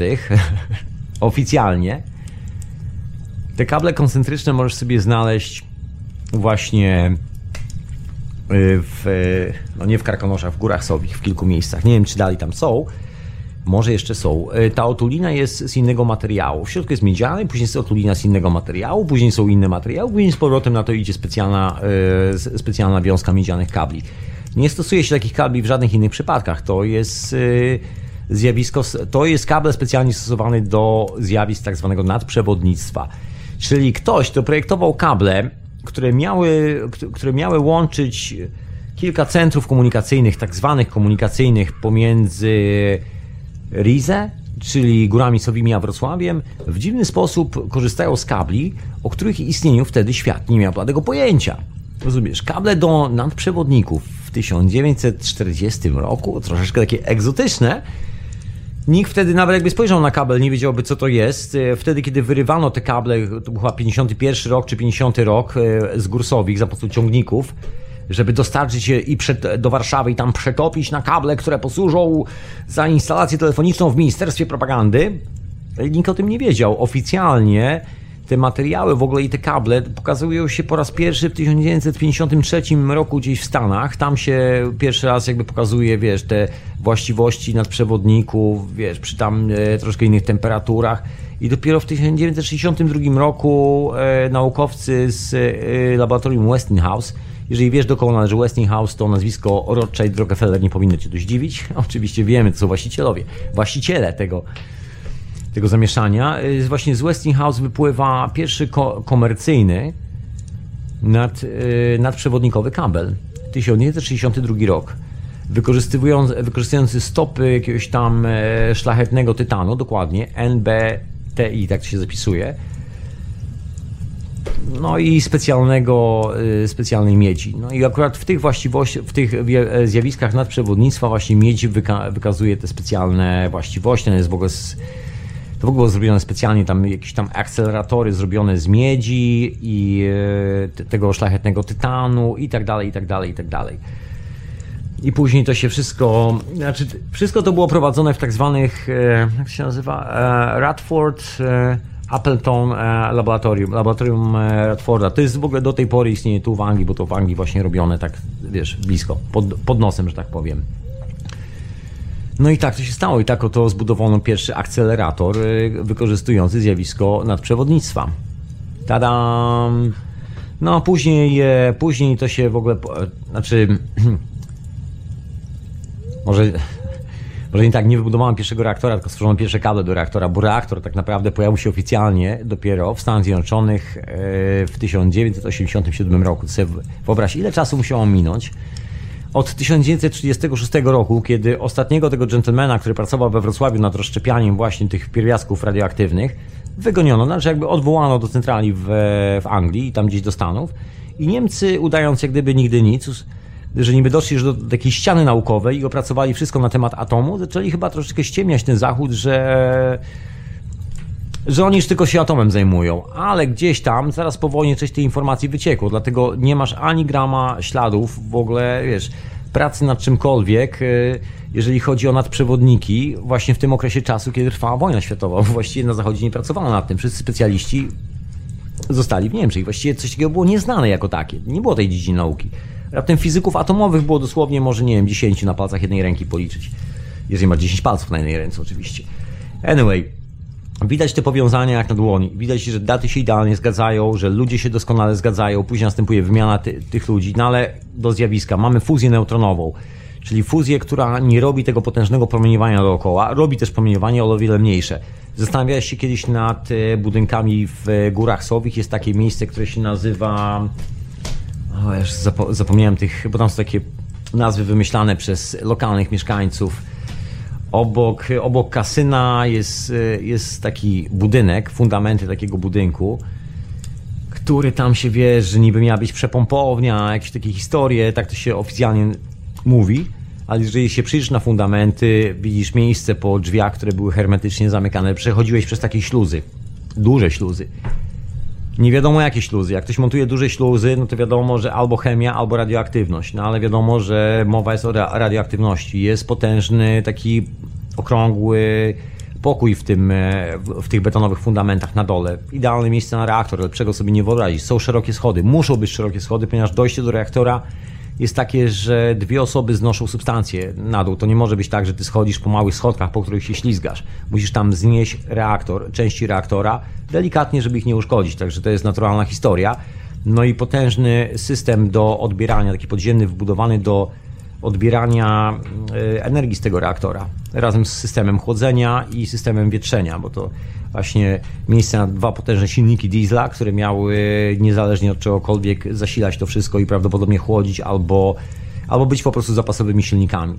Wszystko to jest połączone, to jest taki budynek na, na, szczy, na szczycie górki i wszystko to jest połączone z potężnym kompleksem pod ziemią, bo jak tam sobie walniesz w jedną z tych paru rur, na górze, to słychać na dole w tym kompleksie. Taka zabawna historia, czyli gdzieś połączenie musi być. E, znana historia tym, którzy tam e, się szlajali, podróżowali i wysłuchiwali, sprawdzali tych wszystkich, e, te wszystkie opowieści. No ale do czego zmierzam? Do tego zmierzam, że w górach sobie nagle pokazuje się kabel. Kabel, który właściwie fizycznie powinien istnieć, bo te kable, cała ta instalacja pojawia się dopiero w latach 60., dopiero w dużych amerykańskich korporacjach, a właściwie jest dopiero w latach 80., używana tak na co dzień, jest w ogóle pokazywana, wiesz, dopiero w 86 roku jest e, i, i oficjalnie się mówi, że wiesz, że, że jest coś takiego jak e, pole e, nadprzewodników, że to nie jest zjawisko nadprzewodnictwa jako takiego, tylko że to jest pole i to, wiesz, Alex Miller i Greg Bednosz to wykrywają. Oczywiście siedząc z laboratorium IBM-a w Szwajcarii i zajmując się właśnie i stworzyli to w oparciu o ceramiczne elementy. No i tu jest właśnie taka ciekawa historia, bo tu sprawy zaczynają doskonale trafiać na siebie, jeżeli szczegól, szczególnie jeżeli wylądujesz w górach e, właśnie Sowich i zaczniesz chodzić sobie po tych wszystkich, wiesz, kasynach i tak dalej. Zobaczysz tam resztki instalacji, która się składa z rur ceramicznych. Jak to wytłumaczyć? No właśnie, jest tylko jedna metoda, słuchaj. Przynajmniej, przynajmniej według mnie. Oczywiście mogę się mylić, to moja hipoteza, robiono tam e, reakcję w niskich temperaturach, właśnie reakcję neutronową. I to jest coś, o czym Niemcy nie chcieli absolutnie nikomu powiedzieć, bo różnica pomiędzy fuzją atomową a neutronową jest kolosalna. Pierwsza rzecz, jedna jest koszmarnie droga, absorbuje gigantyczne zasoby, e, musisz mieć specjalne substancje, jest to bardzo niebezpieczne. Naukowcy, którzy nad tym pracują, mogą umrzeć. Naprawdę ryzykowna sprawa. Natomiast fuzja neutronowa jest czymś o wiele potężniejszym. Mhm i, i e, angażującym o wiele mniejszą przestrzeń, bo promieniowanie jest o wiele mniejsze, także reaktor jest stosunkowo o wiele mniejszy, ryzyko, że to pieprznie jest o wiele mniejsze, jest od strony teoretycznej jest y, czymś większym i czymś jakby to jest to jest, że tak powiem, ta matka tych wszystkich reakcji, które powstają wiesz, w całym kosmosie, tak możesz to nazwać.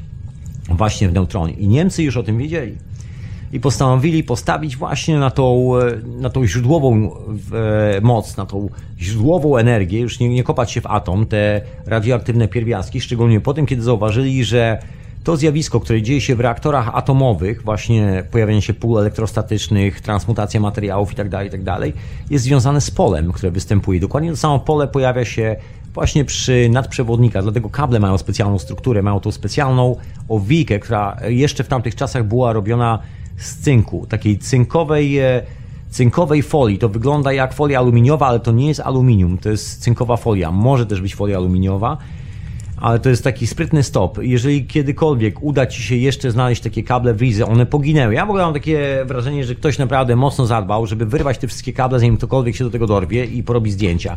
Ciężko jest trafić na te kable. Ja dwa razy trafiłem dokładnie na te kable z otuliną zawsze się zastanawiałem, jak to jest. Słuchaj, kabel jest wielki taki, że dwoma rękami, dwoma rękami i dalej bym e, go nie objął. Znaczy nie rękami, tylko dwoma dłońmi bo dwoma rękami to obejmę, ale dwoma dłońmi nie obejmę. Jest tak potężna, gruba rura.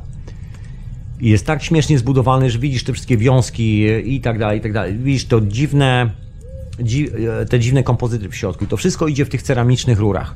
Wszystko w ceramicznych rurach. Na jaki jest powód? Dlaczego ktoś miałby puszczać to w ceramicznych rurach? Oczywiście ceramika nie rdzewieje i tak dalej, i tak dalej. Wiemy o tym, to można uznać za argument, ale no nie za bardzo taki argument. Tym bardziej, że ludzie, którzy pracowali przy tych technologiach, później pojawiają się zaraz po wojnie, między innymi w Argentynie i zarządów e, Perona w Argentynie pojawia się pewien niemiecki naukowiec, który no, ma gdzieś tam korzenie wywodzące się z Rize i też nie, nie pojawia się tam przez przypadek samodzielnie, tylko pojawia się tam e, na zaproszenie Niemców, którzy tam się ewakuowali za pomocą paszportów watykańskich przez Hiszpanię i postanowili zrobić sobie e, dru, drugą, jak to nazwać, drugą Bawarię chyba. I pojawia się tam ten naukowiec i zaczynają budować reaktor.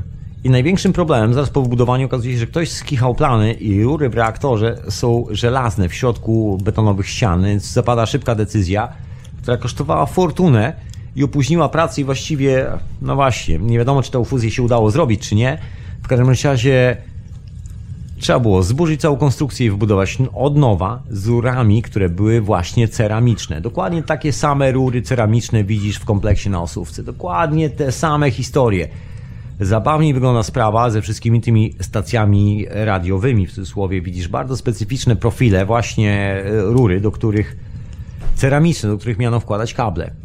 Oczywiście no, ceramika jest wygodna, stosowana w wielu miejscach, ale jest taki właśnie sprytny numer, jak schować technologię w odpowiedni sposób, także ktoś spojrzy z boku, powie, no solidnie chcieli wybudować, nie chcieli, żeby im rury zamokły, ale tam naprawdę nie montuje się aż takich kabli, żeby budować specjalne instalacje na środku góry, w budynku, puszczać specjalne profile z ceramicznych rur. Średnicy 30 cm do, do 40 czasami. Co tam miało być tym wszystkim? Co miało być na środku góry, człowieku? Przecież tam się nie montuje kabli. Na środku góry to możesz sobie otworzyć koszyk, wycią wyciągnąć z niego kanapkę, butelkę ze swoim ulubionym napojem, usiąść na łące i rozejrzeć się dookoła, jaki piękny widok z tego szczytu, ale nie kable, które, no właśnie, które powinny zasilać pół wielkiego miasta.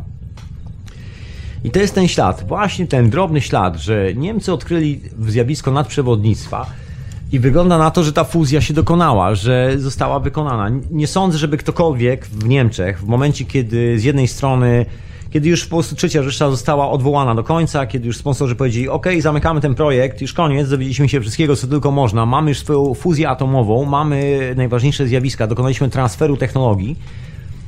Jeżeli zostawimy to wszystko samopas, to jest zbyt duże ryzyko, że podczas nieustannie ciągnącej się wojny kogoś zaświeżbi ręka, ktoś zwariuje i zbyt dużo technologii wydostanie się na zewnątrz, bo ktoś postanowi zbudować z tego e, bombę i to akurat nie będziemy my, czyli, e, czyli Rothschildowie w Ameryce albo w Anglii, tylko na przykład Niemcy, albo ktoś inny po drodze się dorwie. Jest masa ludzi, którzy cierpią podczas wojny, kto, komuś może odjechać i, i się nagle okaże, że, że praktycznie technologia jest już poza kontrolą jakąkolwiek bo bardzo łatwo w sytuacji totalnego chaosu w Europie może to wyciec e, spod kontroli.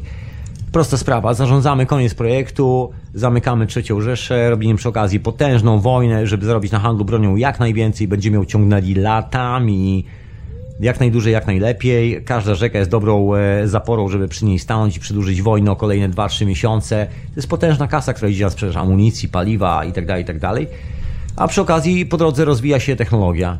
Niemcy coś złapali. Nie wiem co, nie wiem kiedy. Ślady prowadzą do Wrocławia 1936 roku. Urywają się właśnie tam w 1938 roku finalnie. Cokolwiek było na ten temat, ja już na nic nie trafiłem. Żadne inne informacje. Nagle grupa naukowców, jakby cały dział dziedziny znika. Znika Wiktor Schauberger, znikają wszystkie opracowania na temat vortexów, znikają wszystkie opracowania na temat alternatywnej fizyki za wyjątkiem bardzo nielicznych prac, które są gdzieś tam czasami znajdowane teraz w dzisiejszych czasach w Berlinie, które głównie też właściwie operują głównie na temat technologii atomowej. Ta druga rzecz jakoś tak znika. Jest, jest grupa naukowców, która pracowała nad bardzo alternatywnymi rzeczami, które nagle, wiesz, wyparowały. Nie zginęli w obozach koncentracyjnych, nikt nie zniknęli nikt ich nie rozstrzelał i nagle w latach, na początku lat 50. E, w Argentynie pewien gentleman z Niemiec zaczął budować bardzo dziwny reaktor. Reaktor fuzji neutronowej. Nie atomowej, tylko neutronowej. Cały świat się puka w głowę, przecież to niemożliwe, takie rzeczy nie istnieją. To przecież Einstein napisał, że nie istnieją. No ale Amerykanie są lekko przerażeni i nagle chyba łapią, że podczas tej całej zabawy w budowanie III Rzeszy Rothschildowie przegapili jedną rzecz. Przegapili nadmierną pracowitość e, naszych sąsiadów e, za zachodniej granicy, czyli Niemców, którzy postanowili, że skoro jest pod ręką troszeczkę inne zjawisko, to okej. Okay. Sponsor chce od nas tylko dokumentów na temat atomu i elektrostatyczności, pulsów elektromagnetycznych.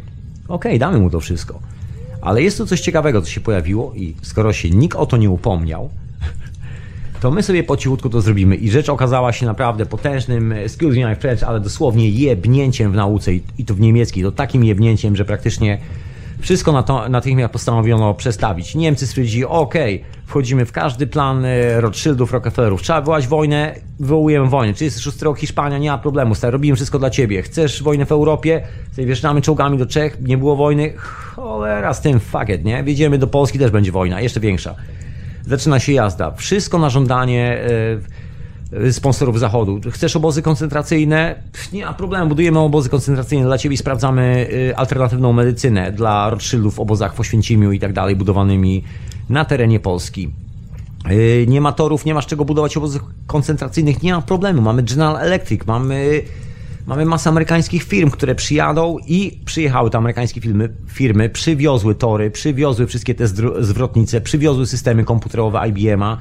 Pierwsze chodziły w Oświęcimiu, obozach koncentracyjnych w Polsce, zakładanych przez nazistów. Tak, tak, to pierwsze IBM-y. Pierwsze komputery, ten numerek, który był tatuowany na rękach, to właśnie numer z tak zwanej legendarnej maszyny Turinga. Każdy numerek oznaczał jedną konkretną rzecz. E, mniejsza o to, tu zostawiam w tym momencie. W każdym razie technologia była potężna. Słuchaj, w Stanach e, bano się testować tą technologię, bo za dużo ludzi, za bardzo otwarty kraj, wiesz, zbyt prawowici ludzie szukający prawdy, być może szczęśliwego życia. W Niemczech, kraju ogrodzonym wojną, systemem totalitarnym, nienawiścią do wszystkich, którzy nie są Niemcami. Piękne miejsce, żeby po cichutku testować wszystko, sprawdzać każdą dowolną technologię.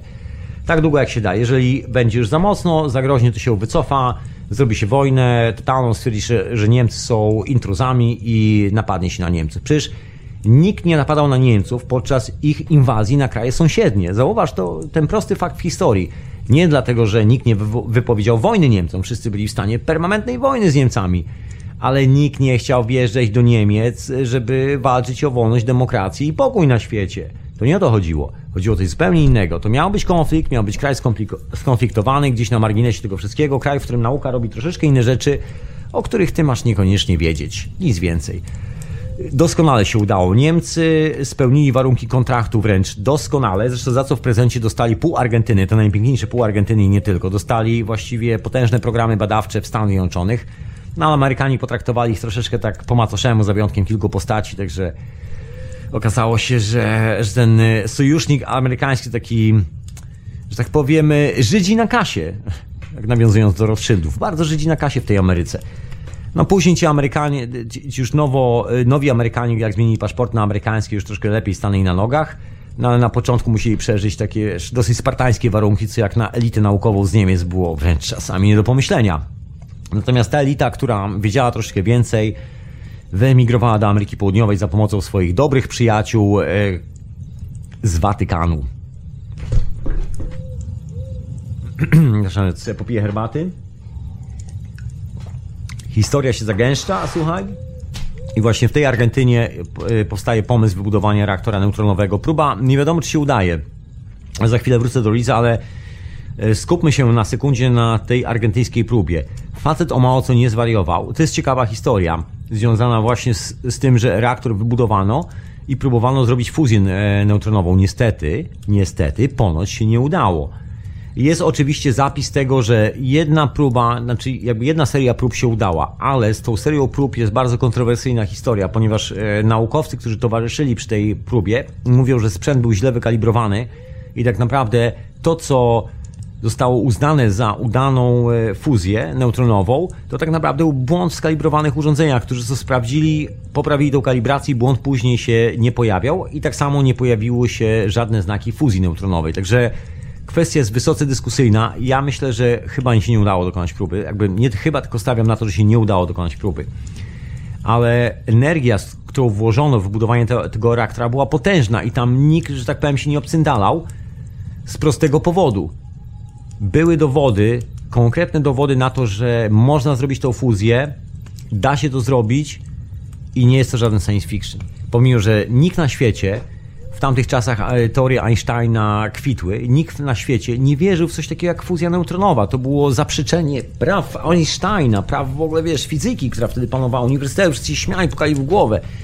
Poza oczywiście ludźmi z NASA i rządu amerykańskiego, który przerażony słał takie petycje do takie zapytania do rządu e, Chile, czy przypadkiem ta fuzja w rzeczywistości się udała, czy się nie udała, takie no właśnie takie troszeczkę inne listy, nie na zasadzie ha, ha, ha, ale głupki jesteście, myślicie, że wam się uda, aha, przecież wszyscy wiemy, że to się nie uda.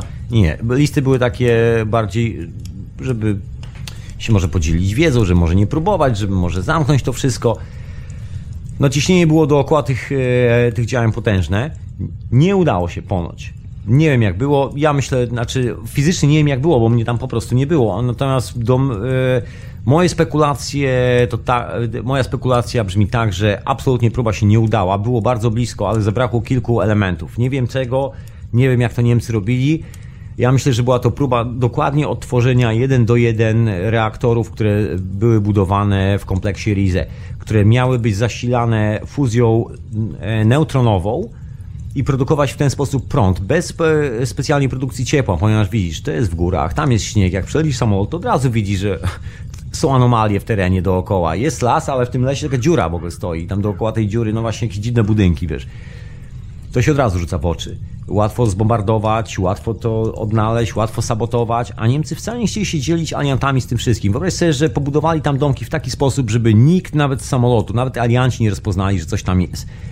Fabryk amunicji nigdy specjalnie nie ukrywali. Alianci widzieli o wszystkich fabrykach amunicji w Niemczech Rosjanie tak samo. To nie było tajemnicą, to tylko wiesz, taka zabawa była, wiesz, strona zła i strona dobra, albo strona, strona dobra i zła i walczył są wojna narodów, wiesz, wojna światowa. Nie, nie, nie.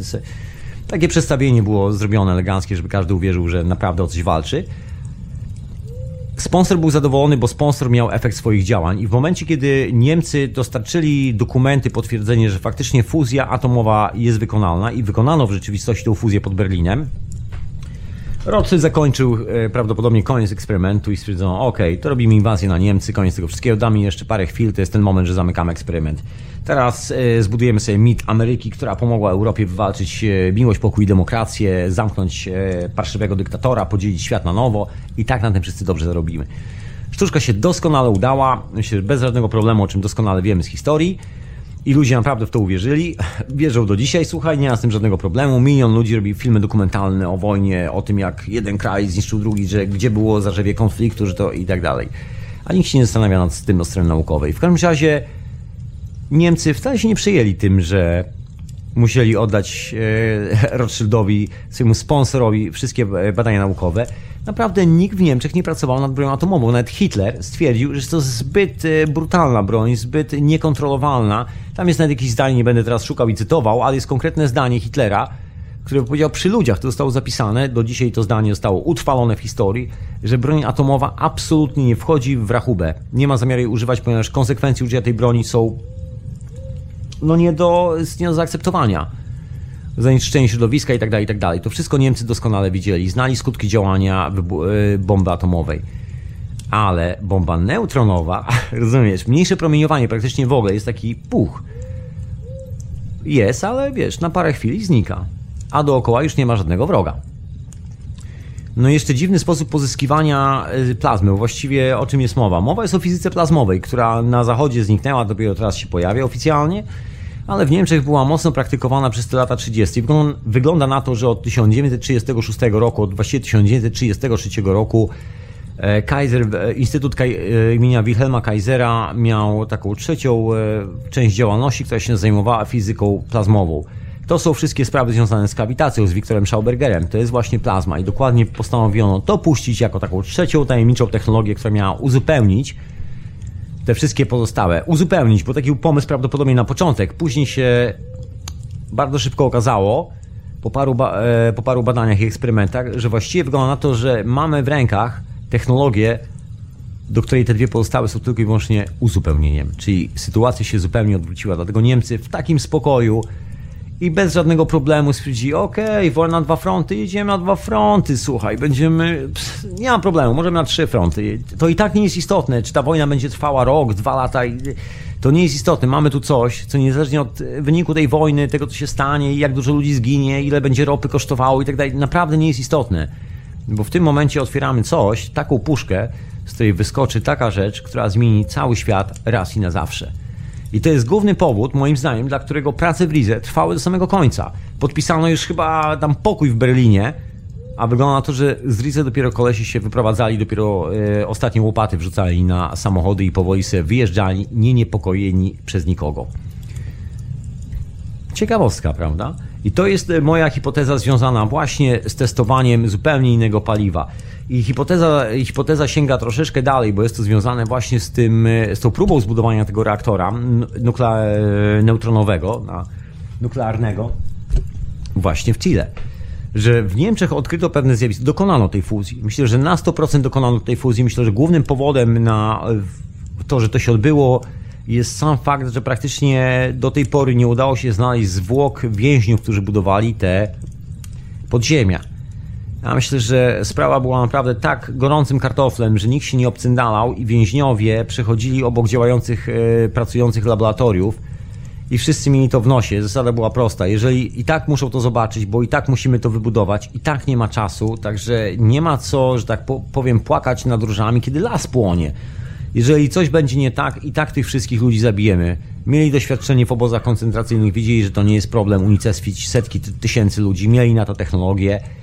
Myślę, że się nie przejmowali. Na pewno niedopuszczalne byłoby wypuszczenie tych wszystkich ludzi na zewnątrz. Zresztą te wspomnienia, które gdzieś tam zostały, związane właśnie z więźniami w Rize, z tym, co ci niemieccy strażnicy, którzy gdzieś tam się przyznali, że pracowali w Rize, mówili i tak dalej, i tak dalej, jasno potwierdzają, że Rize było takim miejscem docelowym. Nie było, sytu- nie było e, opcji, żebyś czy ty, czy ja, pracując jako niewolnik przemysłowy w Rize, mieli szansę przeżyć. Ludzie, którzy tam byli wysłani do pracy, byli skazani na śmierć. Właśnie podejrzewam nie z tego powodu jakiegoś dzikiego barbarzyństwa i tak dalej, chociaż to też, bo to inna sprawa, ale powodem, e, pretekstem do tego barbarzyństwa było to, że ci ludzie przechodząc do pracy widzieli pewne rzeczy, których nikt inny, nikt w ogóle nie powinien widzieć, nikt nie powinien nawet absolutnie wiedzieć. Nawet, nawet ci, którzy zapłacili za te badania, nie zdają sobie z tego sprawy. To jest tajemnica podwójnej księgowości Rize, moim zdaniem. To jest tajemnica tego, że alianci do tej pory nie mogą się, że tak powiem, doszukać, ile tego betonu było i tak dalej. Wszystko tak księgowane w dziwny sposób. Nikt nie chciał tego księgować. To jest dosyć nietypowe jak na Niemców, bo no właśnie, nietypowe. To jest cała ta infrastruktura dookoła, która miała być e, bardzo solidna i wytrzymać bardzo duży ruch, ale nie taki potężny, nie ruch przemysłowy. Właśnie to jest ciekawe, bo dookoła Rize nie masz e, koncentracji jakby fabryk przemysłowych i budowania szerokich autostrad na potężne ciągi ciężarówek. Nie, nie. Są szerokie drogi, są potężne drogi na przywożenie dużej ilości sprzętu, ale wiesz co, możesz to nazwać takim zapleczem laboratoryjnym, ale nie fabryką. Naprawdę, raczej fabryką nie. No, jeżeli już, to tylko tej technologii, która miała zostać tam wprowadzona. I myślę, że reaktor został odpalony, prototypowy reaktor. Na pewno y, ten, ten cały kompleks na osówce, przynajmniej na górze, no nie, został, e, nie został ukończony i nigdy nie odpalono tam reakcji, podejrzewam. Natomiast reakcja była odpalona gdzieś indziej i gdzieś e, coś musiało się dziać. Powodem e, są przedmioty znajdowane w w tych tunelach. Ciekawostka to są tworzywa sztuczne, na przykład w postaci okularów, tworzywa sztuczne o wiązaniu, bardzo specyficznym wiązaniu polimerów. Dzisiaj używamy tego jako szkieł e, takich specjalnych ochronnych, żeby promieniowanie podczas specjalnego spawania łukowego nie niszczyło oczu człowieka, który właśnie obsługuje tą maszynę i tak dalej, i tak dalej. Takie specjalne polimery, które mam, e, znaczy polimery, specjalne szkła zrobione z polimerów filtrujących konkretne częstotliwości, dzięki czemu właśnie mogłeś pracować w pewnych technologiach, które normalnie by ci oślepiły. Nie wiem, czy ktokolwiek, gdziekolwiek na świecie produkowałby specjalne okulary dla więźniów i dawał im taki sprzęt do pracy, żeby budowali coś takiego. Raczej wątpliwa sprawa, raczej by po prostu pogoniono ich z kilofami, łopatami. I to wszystko. Zresztą kto podczas wojny, kiedy ma stada niewolników, inwestuje w tak potężną technologię, żeby tam ten niewolnik dostawał e, urządzenie rodem prawie z filmu Star Trek, żeby robić te, te tunele. Więc nie było takiej opcji. To były odpadki od tej technologii, myślę. I, pe I, pewna grupa ludzi musiała korzystać z tych okularów i tak dalej, czy, czy coś, e, coś w tym stylu, że przechodząc obok tych laboratoriów, czy korzystając, czy przestawiając te wszystkie rzeczy, które tam, nie wiem, być może emitowały inne pole, żeby nie stracić tak od razu wzroku i żeby nie opuścić tej skrzynki od razu naraz, żeby zanim umrą, mogli przepracować w tych podziemiach trochę czasu.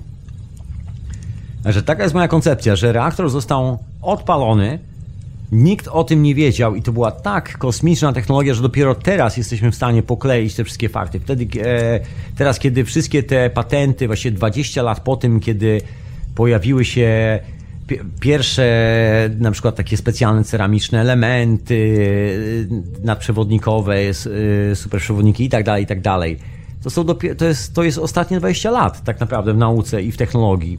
Firma ISCO International w tym, że tak powiem, przoduje, jest tak zwany Illinois Superconductor, znaczy to się tak dla mnie nazywało oryginalnie, gdzie ci e, panowie e, George Bednosh i Alex Miller, e, że tak powiem, zrzucili ten patent i został produkowany. Także historia jest bardzo ciekawa, bo właściwie cokolwiek by nie spojrzeć, z którejkolwiek strony, zawsze tak historia na przewodnikach sięga niemieckiej nauki. Zawsze są to ludzie z Niemiec, którzy mają dostęp do troszkę innej wiedzy, mają trochę inne podejście do sprawy.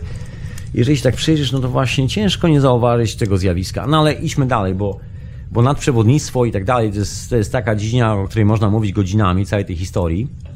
Wiadomo, że mamy wyjzy kable, które ewidentnie służyły do do zjawisk tak zwanego nadprzewodnictwa. Ewidentnie, no bo nigdzie indziej nie stosujesz takich kabli. Takie kable cywilizacji trzeba stosować dopiero w latach 80. człowieku. W latach 60. dopiero zostali, sta, e, zjawisko zostało, wiesz, tak w miarę, w miarę, w miarę opanowane.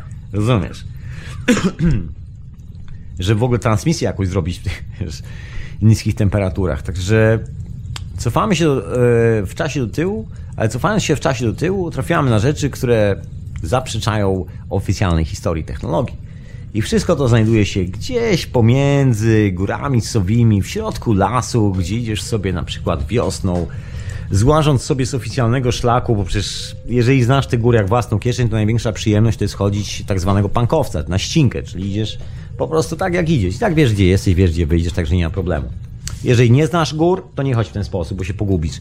Jeżeli znasz, to możesz sobie tak pochodzić. Jest kilka ciekawych miejsc, które, e, które się mogą napatoczyć e, na twojej drodze i nagle jest zaskoczony właśnie wyglądem kabla. Myślę, że co taki kabel, co taka instalacja ceramiczna, co te wszystkie rzeczy robią w środku lasu? Czyżby była to chata alchemika? No właśnie, a ja tymczasem włączę jakąś muzyczkę do tej swojej opowieści i zaraz Ci powiem o ciekawej e, takiej konkluzji, ciekawych śladach, co się stało po odpaleniu tej fuzji y, w Górach Sowich. Przynajmniej, nie wiem, no, są to legendy na ten temat, także nie traktuj tego jako prawdy. Nie wiem, co z tego jest prawdą, co nie. Możemy się tylko domyślać kilku rzeczy. No tak, radio na fali, hiperprzestrzeń, oczywiście, w sobotni wieczór, a ja zakurzony, śmierdzący, wychodzący z podziemi Rizę prawie, że nie, nie, nie, nie jest tak źle. Y, nadaję do Ciebie z południowego Londynu, także nie mam mnie w karkonoszach teraz. Naprawdę nie wychodzę z podziemi, słuchaj, nie przynoszę Ci żadnych tajemniczych e, opowieści prosto z podziemi. Nie, nie, nie, nic z tych rzeczy. Właśnie wracam do tajemnic, e, tajemnic owego Rize. znaczy tajemnic, no ja myślę, że główną tajemnicą kompleksu Rize jest otrzymanie kontrolowalnej nuklearnej fuzji po raz pierwszy w historii e, świata. Myślę, że to był e, bilet, na którym Niemcy mogli spokojnie wyjechać e, z, Niemiec, już wtedy Dolnego Śląska, i w ogóle wyjechać spokojnie z Europy, nie nękani oskarżeniami jakichś zbrodnia przeciwko, zbrodnie przeciwko ludzkości. Mieli przede wszystkim to coś, co nazywano atomem. Świat się zgodził na atom, zaakceptował. Ja myślę, że ta nuklearna fuzja była takim troszeczkę odpryskiem przypadkowym, znaczy przypadkowym dla Zachodu przypadkowym, dla, Niem dla Niemców nie. I ja myślę, że gdzieś tam w Karkonoszach, gdzieś tam w górach Sowich i tak dalej, i tak dalej, tam stoi właśnie gdzieś, e, musi stać reszka sprzętu do robienia tej fuzji. Absolutnie. I to nie ma co tylko dwóch zdań. To na tyle zaawansowana, że już działająca, sprawna i gotowa do odpalenia.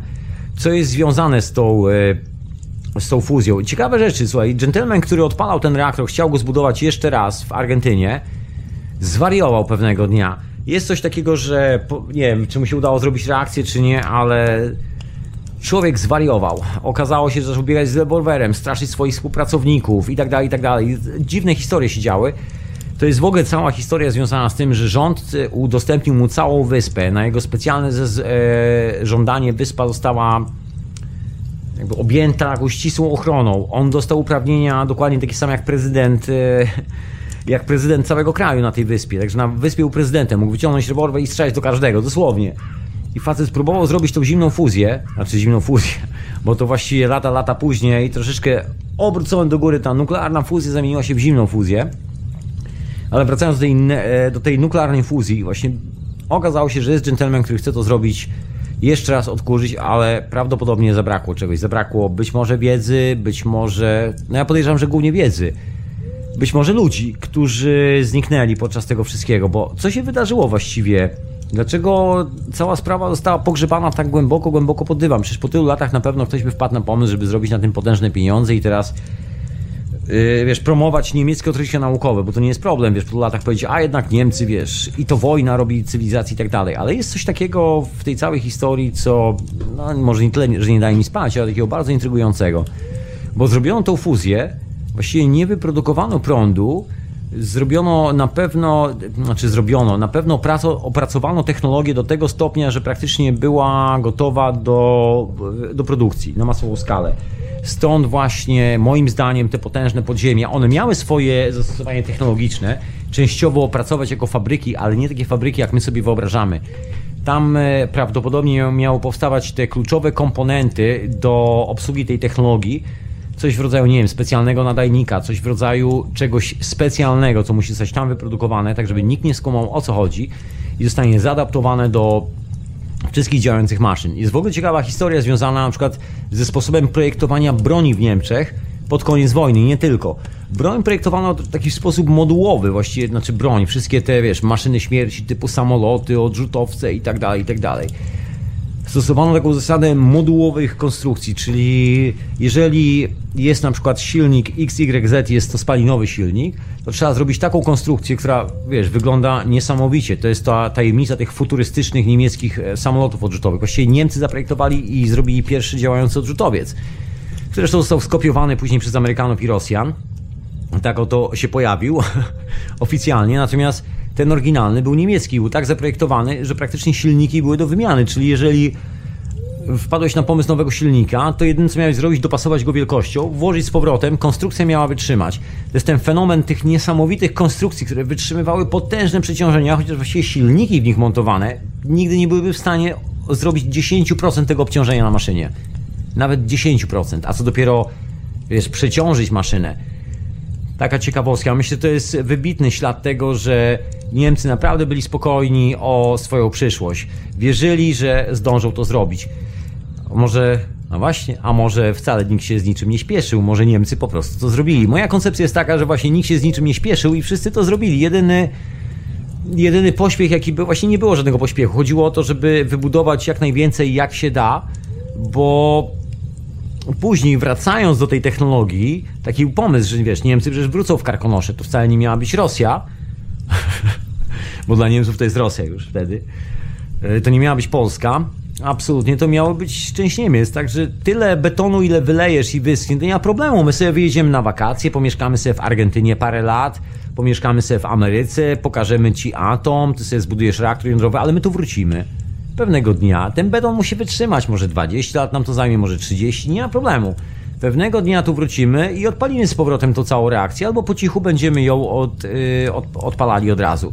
I wtedy do nas zmiecie cały świat, bo praktycznie tego typu technologia nawet do dzisiaj, no dzisiaj ma już konkurencję, dzisiaj wiemy, że mamy technologię cache, to jest właśnie ta technologia plazmowa już bezinwazyjna, bez e, radiacji, bez promieniowania itd., tak itd. Tak Natomiast wtedy jeszcze była taka, wiesz, może być pionierska historia, to tylko ta magnetyczna część z, z bardzo mocnym ciągiem grawitacyjnym, który był robiony za pomocą substancji radioaktywnych, bo tak właśnie wzbudzano to mocno grawitacyjne pole, które otwiera tą, e, jak to się naukowo nazywa, przerwę pomiędzy protonem i neutronem, żeby wyzwolić tak zwane elektrony walencyjne, które tworzą na swoich orbitach kolejne pola, kolejne, kolejne, także jeżeli się przyjrzysz właśnie na schemat tego reaktora, który tam stoi na tej górce sowej tuż obok kasyna, to jest taki duży bęben, wyobraź sobie taki bęben jak od pralki, położony, tak, taki bęben, który kładziesz na ziemi i potem, jak się troszeczkę jakbyś wziął duży krążek hokejowy do ręki i palce masz pod spodem i to jest tak zaprojektowane.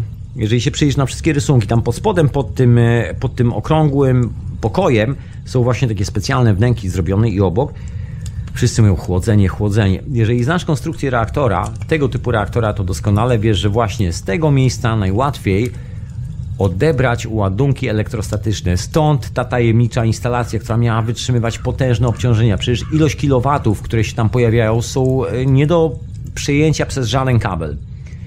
Do tej pory jest to fizycznie niemożliwe, żeby puścić taki ładunek elektrostatyczny, taką ilość elektronów e, zamanifestować na kawałku metalu. Przecież kabel, e, ten kabel, metal od razu wyparuje. Jest tylko jedna metoda. Musisz to zrobić nad przewodnikami. Ten sam kabel, tej samej grubości, poddany działaniom e, pola nadprzewodników, tego o czym już wiemy, że to jest pole, że to nie jest materiał nadprzewodnikowy, tylko że to jest pole, które jest tworzone dookoła materiału, w tym polu dokładnie ten jeden cieniutki drucik, który normalnie ma grubość 1 mm i wytrzyma maksymalnie obciążenie, nie wiem, może 1000 V o natężeniu 50 Hz, czyli jeżeli wepniesz ten cieniutki drucik do gniazdka elektrycznego, takiego jaki masz w domu, nie rób tego, naprawdę nie rób, to jest, ja ci tutaj tak teoretycznie opowiadam, proszę nie, e, nie sprawdzać tego eksperymentu w domu, nie rób tego. Jeżeli weźmiesz sobie taki cieniutki kabelek, nawet weź cieńszy, weź pół milimetra, miedziany kabel bez izolacji, i podłącz do gniazdka elektrycznego na dwóch takich kabelkach plus minus żarówkę 50W. Zobaczysz, co się stanie z kabelkami. Zaraz wyparują w kosmos. I teraz pytanie, jak zrobić, bo właściwie z czymś takim mamy do czynienia w przypadku e, reaktora, właśnie tego neutronowego. Bo on produkuje potężną ilość mocy i to właśnie elektrostatycznej. Ona nie jest taka radioaktywna jak normalnie w atomowym reaktorze, gdzie masz reakcję termiczną i z tego ciepła głównie otrzymujesz prąd elektryczny tylko tutaj już tworzysz pole elektrostatyczne.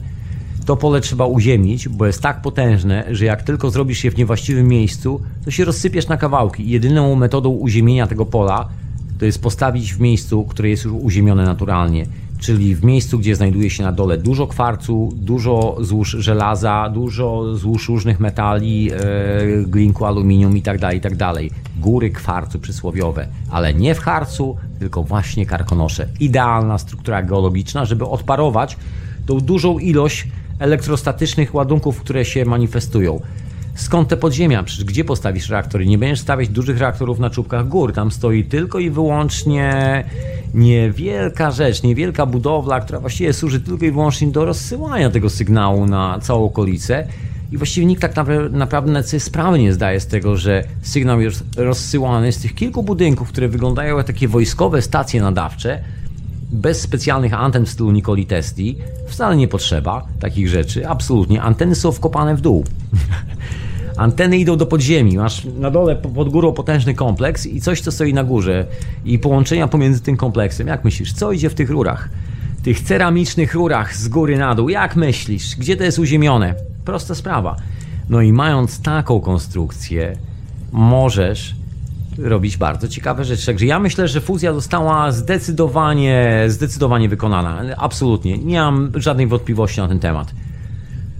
I teraz pytanie, co się stało podczas fuzji? Bo tak, sprzęt działał, wszystkie technologie były opracowane. Jedyne, co Niemcy robili, to śpieszyli się z tym, żeby jak najszybciej przygotować zaplecze. Widzieli, że nie odpalał technologii w pełnej e, krasie. To raczej było niemożliwe, nie było na to czasu. Natomiast wiedzieli, że mogą zrobić jedną rzecz: przygotować sobie podłoże do tego, żeby zaraz po tym, jak tylko cała historia, że tak powiem, się skończy, móc wejść na gotowe, załadować tam technologię i ją odpalić. Przy czym widzisz, jest to ciekawie projektowane, bo od tej strony budowlanej nie masz prawa zobaczyć żadnych powiązań. Ty widzisz fundamenty pod fabrykę. Ty nie wiesz, jakie maszyny będą stały na tych cokołach, dlaczego tam jest tak wybudowane, dlaczego tam jest przejść. Nie wiesz. Teoretycznie mają stać maszyny, które mają się kręcić, hałasować, mają być napędzane ropu. To wszystko, co masz wiedzieć. Wszystkie maszyny są zunifikowane, wszystkie mają ten sam rozmiar, wiesz, te same nakrętki, te same śrubki, także ty nie wiesz, co tam się e, będzie działo. Być może ktoś pewnego dnia przyniesie inną maszynę, która ma dokładnie ten sam rozmiar. Odkręci starą, wkręci nową i to wszystko. I tak to wygląda, jak taka modułowa konstrukcja. Wszystko było montowane na, na działanie w dwóch te, albo trzech nawet technologiach. Zobacz na te kable, które normalnie były używane do telekomunikacji, tak żeby nikt nie miał podejrzeń, że te kable są kładzone tak, wiesz, na odwal się, że, że wiesz, że Niemcy kładą kable, tajemnicze kable i nikt nie wie po co. Nie, nie. Wiadomo, że szpiedzy od razu by donieśli rodzinie e, e, Rockefellera, Rothschildów i tak dalej, co się dzieje w, w górach Sowich. Od razu byłyby informacje, że hej, kładą ci kable jakieś i nie mówią, nie powiedzieli ci o tych kablach, coś tu robią. Nie, nie, nie. Te kable oficjalnie były do telefonów. Poważnie, oficjalnie służyły do telefonów, do stacji nadawczych. Ciekawa historia. Tylko, że kto nadaje na takich kablach? No nie używasz kabli, wiesz, do nadprzewodników specjalną otuliną, która jest robiona z najczystszego cynku dookoła miedzi i specjalnie dodatkowych tam materiałów, tam dodatkowy jeszcze taki sztuczny polimer był dookoła. Tak to wyglądało żeby sobie porozmawiać przez telefon y, z, ze szczytu Wielkiej Sowy z, nie wiem, no z Wałbrzychem, wiesz co chodzi? Troszeczkę tak bez sensu, trochę jakbyś budował telefon satelitarny po to, żeby porozmawiać y, z sąsiadem z drugiej ulicy, to troszeczkę się mija z celem. No właśnie, ale widzisz, to mogło nie o to chodzić. Ja myślę, że Właśnie, wracając do tej reakcji. Tak, że reakcja została zrobiona i działy się ciekawe rzeczy podczas tej reakcji. Na pewno więźniowie widzieli jakieś efekty świetne i tak dalej, bo podczas takiej fuzji muszą się dzieć takie rzeczy jeżeli e, prace przebiegały non-stop w podziemiach, to masa ludzi, która tam pracowała, musiała to widzieć na własne oczy, dlatego automatycznie byli skazani na śmierć, bo niestety na swoje nieszczęście byli świadkami e, odkrywania tajemniczej technologii, z którą Niemcy chyba podejrzewam do końca sobie nie poradzili, bo o ile wywołali zjawisko, to właściwie nie wiadomo było, e, co dalej z tym zjawiskiem robić. Pierwszą rzeczą, którą, którą zrobiono, to się zaadaptowanie do celów militarnych, czyli, czyli przede wszystkim jako paliwo źródło zasilania. Ok, ale nagle się okazuje, że, że jest coś więcej, no bo wiadomo, że to jest tylko początek. Wiadomo, że jeżeli wy, e, zmienisz warunki pola elektromagnetycznego, to w rzeczywistości zmieniasz e, to, o czym nawet mówią rosyjscy naukowcy nawet głośno w dzisiejszych czasach, warunki pola magnetograwitacyjnego, czyli tego rzeczywistego, bo elektrostatyka jest tylko efektem działania tych dwóch mocy. I dzieją się różne rzeczy. Czas się rozciąga, Świ- e, robisz na przykład światło, taka klasyczna y, historia związana z fuzją nuklearną, to jest to, że powstaje światło i nic nie promieniuje na zewnątrz. Masz po prostu coś, co świeci, masz drugie słońce. I to jest źródło prądu, możesz to zrobić jako źródło ciepła i tak dalej, i tak dalej. I na pewno zakrzywia to troszeczkę w jakiś sposób przestrzeń. Nie wiem jak, bo to ciężko opowiedzieć. Ja nie zbudowałem takiej fuzji nigdy w domu, także wiesz, tutaj sobie tak spekuluję i opieram się na tym, co w życiu przeczytałem, czego się dowiedziałem. No ale historia prowadzi przez bardzo ciekawe, no właśnie, bardzo ciekawe regiony. Regiony związane z czymś takim, co nie wiem, nazywamy ezoteryką, nazywamy, wiesz, tajemniczymi mocami, duchami. I tu wrócę do tego, że Niemcy studiowali zagadnienia związane z tą energią właśnie na Dalekim Wschodzie. Bo jednej rzeczy jestem pewien, Niemcy doskonale sobie zdawali w pewnym momencie sprawę, że fuzja, którą wykonali za pomocą swojego reaktora neutronowego w górach Sowich jest odpowiednikiem tego, co się dzieje, tylko rzeczywiście w większej skali, tego, co się dzieje w ludzkim organizmie.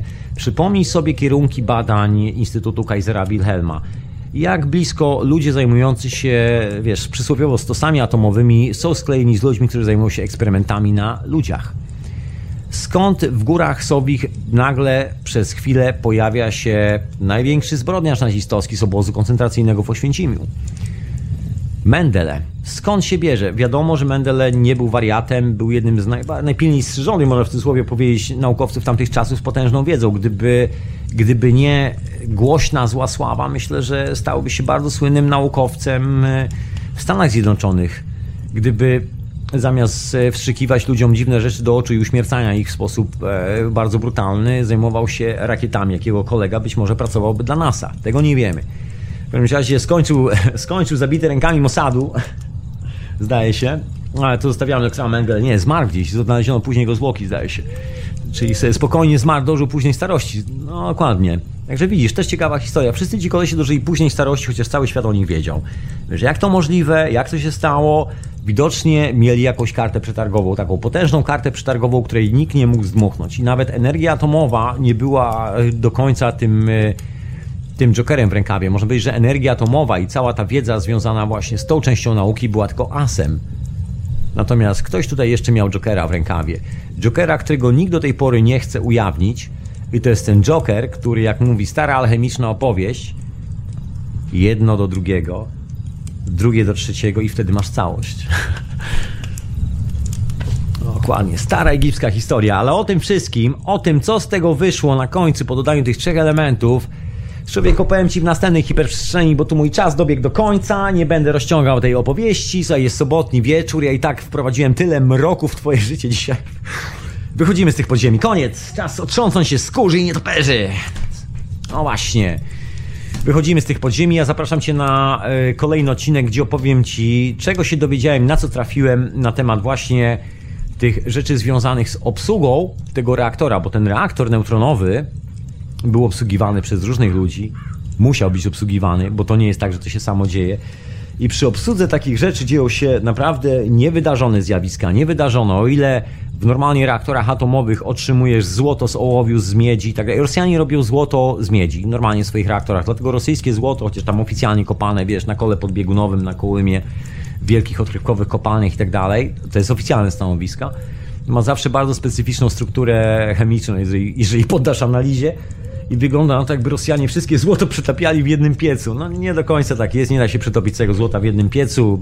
Nagle się okazuje, że chyba złoto jest produkowane na tą samą technologią cały czas. Stąd ten czerwony kolor złota. To jest to, co zostaje po reaktorach, właśnie po tej e, fuzji, która, która tam jest wykonywana. Niemcy zrobili coś dokładnie tego samego.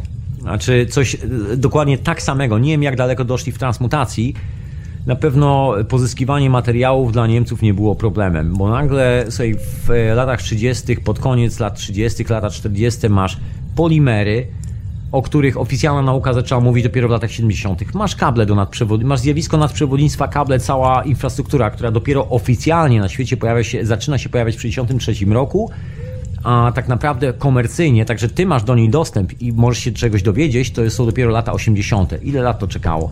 I w ogóle też ciekawa historia związana właśnie z połączeniem dwóch technik. W 1963 roku Amerykanie oficjalnie publikują informacje, NASA publikuje i laboratorium rządowe, że jest silnik, e, że mają typ silnika, który się sam zasila. Zbieg okoliczności. Dokładnie w jednym momencie nagle ktoś spuszcza hamulec, wiesz, laboratoria Bella wypuszczają kilka rzeczy, nadprzewodniki, półprzewodniki, silnik, który praktycznie nic nie spala, wiesz, pojawiają się ciekawe rzeczy. Nagle za jednym czarodziejskim dotknięciem magicznej różdżki z trzech laboratoriów, które tak naprawdę należą do jednej korporacji, która się nazywa Rothschild. Ciekawe. I wszyscy ludzie, którzy za tym stoją, to są właściwie, cokolwiek by nie mówić, e, spadkobiercy dokładnie w prostej linii owych gentlemanów, e, którzy jeszcze nie tak, e, nie tak dawno przed nimi pracowali nad tym i we Wrocławiu, a później prawdopodobnie w Górach Sobich. Ale to zostawiam na kolejny odcinek. Jest to chyba dla mnie prywatnie najbardziej pasjonująca właśnie część tej zagadki. O właśnie, bo też nie jest przypadek, dlaczego robiono to właśnie tam, dlaczego, no właśnie, ale to już zostawiam, to już zostawiam do następnego odcinka. Także dzięki człowieku za wysłuchanie tej opowieści. Mam nadzieję, że wiesz, przynajmniej troszkę dreszczyku tutaj e, było. Może się spociłeś troszeczkę przy tym ognisku, troszeczkę zimny pot na skroniach. Spokojnie, spokojnie. Nie ma się czego bać. Co prawda dalej w, Karkono, znaczy w Karkonoszach, dalej w Górach Sowich, okolicach kompleksu Rize i tych dziwnych budowli pojawiają się gentlemani, którzy y, się ciebie pytają, co tam robisz, co tam robisz, co tam robisz, albo idą za tobą, albo tak się przyglądają tam, idą za tobą przez pół dnia. Zdarzył mi się taki przypadek, to wielu się zdarzyły takie przypadki. Nie wiem, czy dalej są strażnicy w, w Górach Sowich, ponoć dalej są, tego nie wiem, ponoć już po, nowe pokolenie strażników. I don't know, no trzeba by się kogoś zapytać, kto tam mieszka i chodzi po tym wszystkim, jak to wygląda.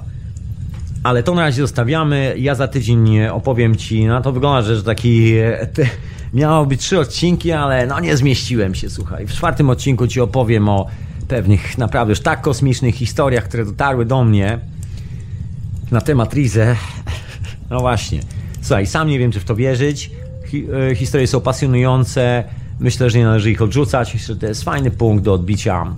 Może właśnie tak jest. Może właśnie to, co nam oficjalnie się sprzedaje jako science fiction i tak dalej, może właśnie to jest czasami taką najprawdziwszą prawdą i numer polega na tym, że jest ona tak spektakularna, że nasz umysł automatycznie blokuje się przed zaakceptowaniem, że pewne rzeczy są możliwe, bo tak specjalnie jesteśmy wychowani, żebyśmy sobie sami e, wymyślali tego policjanta w głowie i żebyśmy przez całe życie, do końca swoich dni, słuchali się tego pana, który w tej klasie, kiedy byliśmy mali, kiedy mieliśmy 10 lat, on na tablicy kredą rysował prawa Newtona. Rozumiesz? A świat jest zupełnie inaczej zbudowany. I Niemcy tym doskonale widzieli, ale to już zostawiamy tak. Do następnego odcinka. Dzięki jeszcze raz za wysłuchanie hiperprzestrzeni. Droga słuchaczko i drogi słuchaczku, dzięki Ci jeszcze raz. Y, Zapraszam y, na za tydzień, jak zwykle, i w ogóle do wszystkich hiperprzestrzeni. Zapraszam Cię w ogóle do Radia na Fali, do archiwum i w ogóle do słuchania wszystkich produkcji Radia na Fali. Zapraszam Cię w środę do księcia Edwarda. Oczywiście do etykiety Edwarda. Księcia Edwarda. No właśnie, etykieta dostępcza. Witam serdecznie. Yy, Ciebie człowiek tutaj w środę na czacie i posłuchamy sobie razem. Może będzie wreszcie o pszczołach, bo książę tam ma przygodowe historie z pszczołami, a coś sobie chętnie posłucham, bo już fascynujące historie. Ja tu widzę dużo paralo takich w tym, co robię, ale to już opowieści o rodzinach koronowanych w środę o godzinie 23 polskiego czasu, w czwartek o godzinie 22 polskiego czasu. Chata Mistyka, czyli podcast Barta, trzeci odcinek, zapraszam serdecznie. Trzeci odcinek jest ze szkoły, w ogóle nagrywany jest w laboratorium. Także w ten czwartek usłyszysz odcinek nagrywany dosłownie w laboratorium, także zapraszam Cię serdecznie na 22 polskiego czasu. Ja oczywiście zostanę z Tobą w, e, w czwartek po e, chacie Mistyka, bo ja wtedy, wtedy piszę felieton, wiesz, tak postanowiłem zostać felietonistą w czwartek pomiędzy godziną e, gdzieś tak 11 albo 12 e, wieczorem do pierwszej w nocy. Jestem felietonistą, wymyśliłem sobie, że właśnie czemu nie? To zostanę felietonistą w życiu. Przynajmniej, wiesz, przez dwie godziny w tygodniu można, prawda? To wcale nie jest taki problem. A teraz zapraszam Cię na wieczorową porę. Jeżeli nie chcesz jeszcze iść spać, jeżeli słuchasz tej hiperprzestrzeni tutaj na żywca, to zapraszam właśnie do Radia na Fali, retransmitowanego dalej przez Radio Paranormalnym i Radio Czas. No to pozdrawiam i Weliosa i Grzegorza. Peace and love, gentlemani. No i dziękuję serdecznie jeszcze raz za wysłuchanie. Pozdrawiam tych, którzy tam na czacie yy, się pojawili i są. Zaraz tam wpadnę i poczytam. I do usłyszenia następnym razem, człowieku. Słuchałeś hiperprzestrzeni, w której opowiadam ci o tajemniczym miejscu znajdującym się na zachodnim południu Polski, w górach. Nie żartowałem, przestań, nie, już nie będę taki telewizyjny. Zapraszam cię za tydzień na dokończenie swojej hipotezy i kilku refleksji na temat kompleksu Rize, który znajduje się niedaleko miejsca, obok którego się urodziłem. I tyle. Także usłyszymy się następnym razem. Pamiętaj, nie mów tego nikomu, bo kto wie, być może strażnicy czuwają gdzieś w twojej okolicy i wiesz, wiesz jak to jest. A ja tymczasem zapraszam na wieczorową porę. Słuchałeś hiper przestrzeni w radiu na fali.com.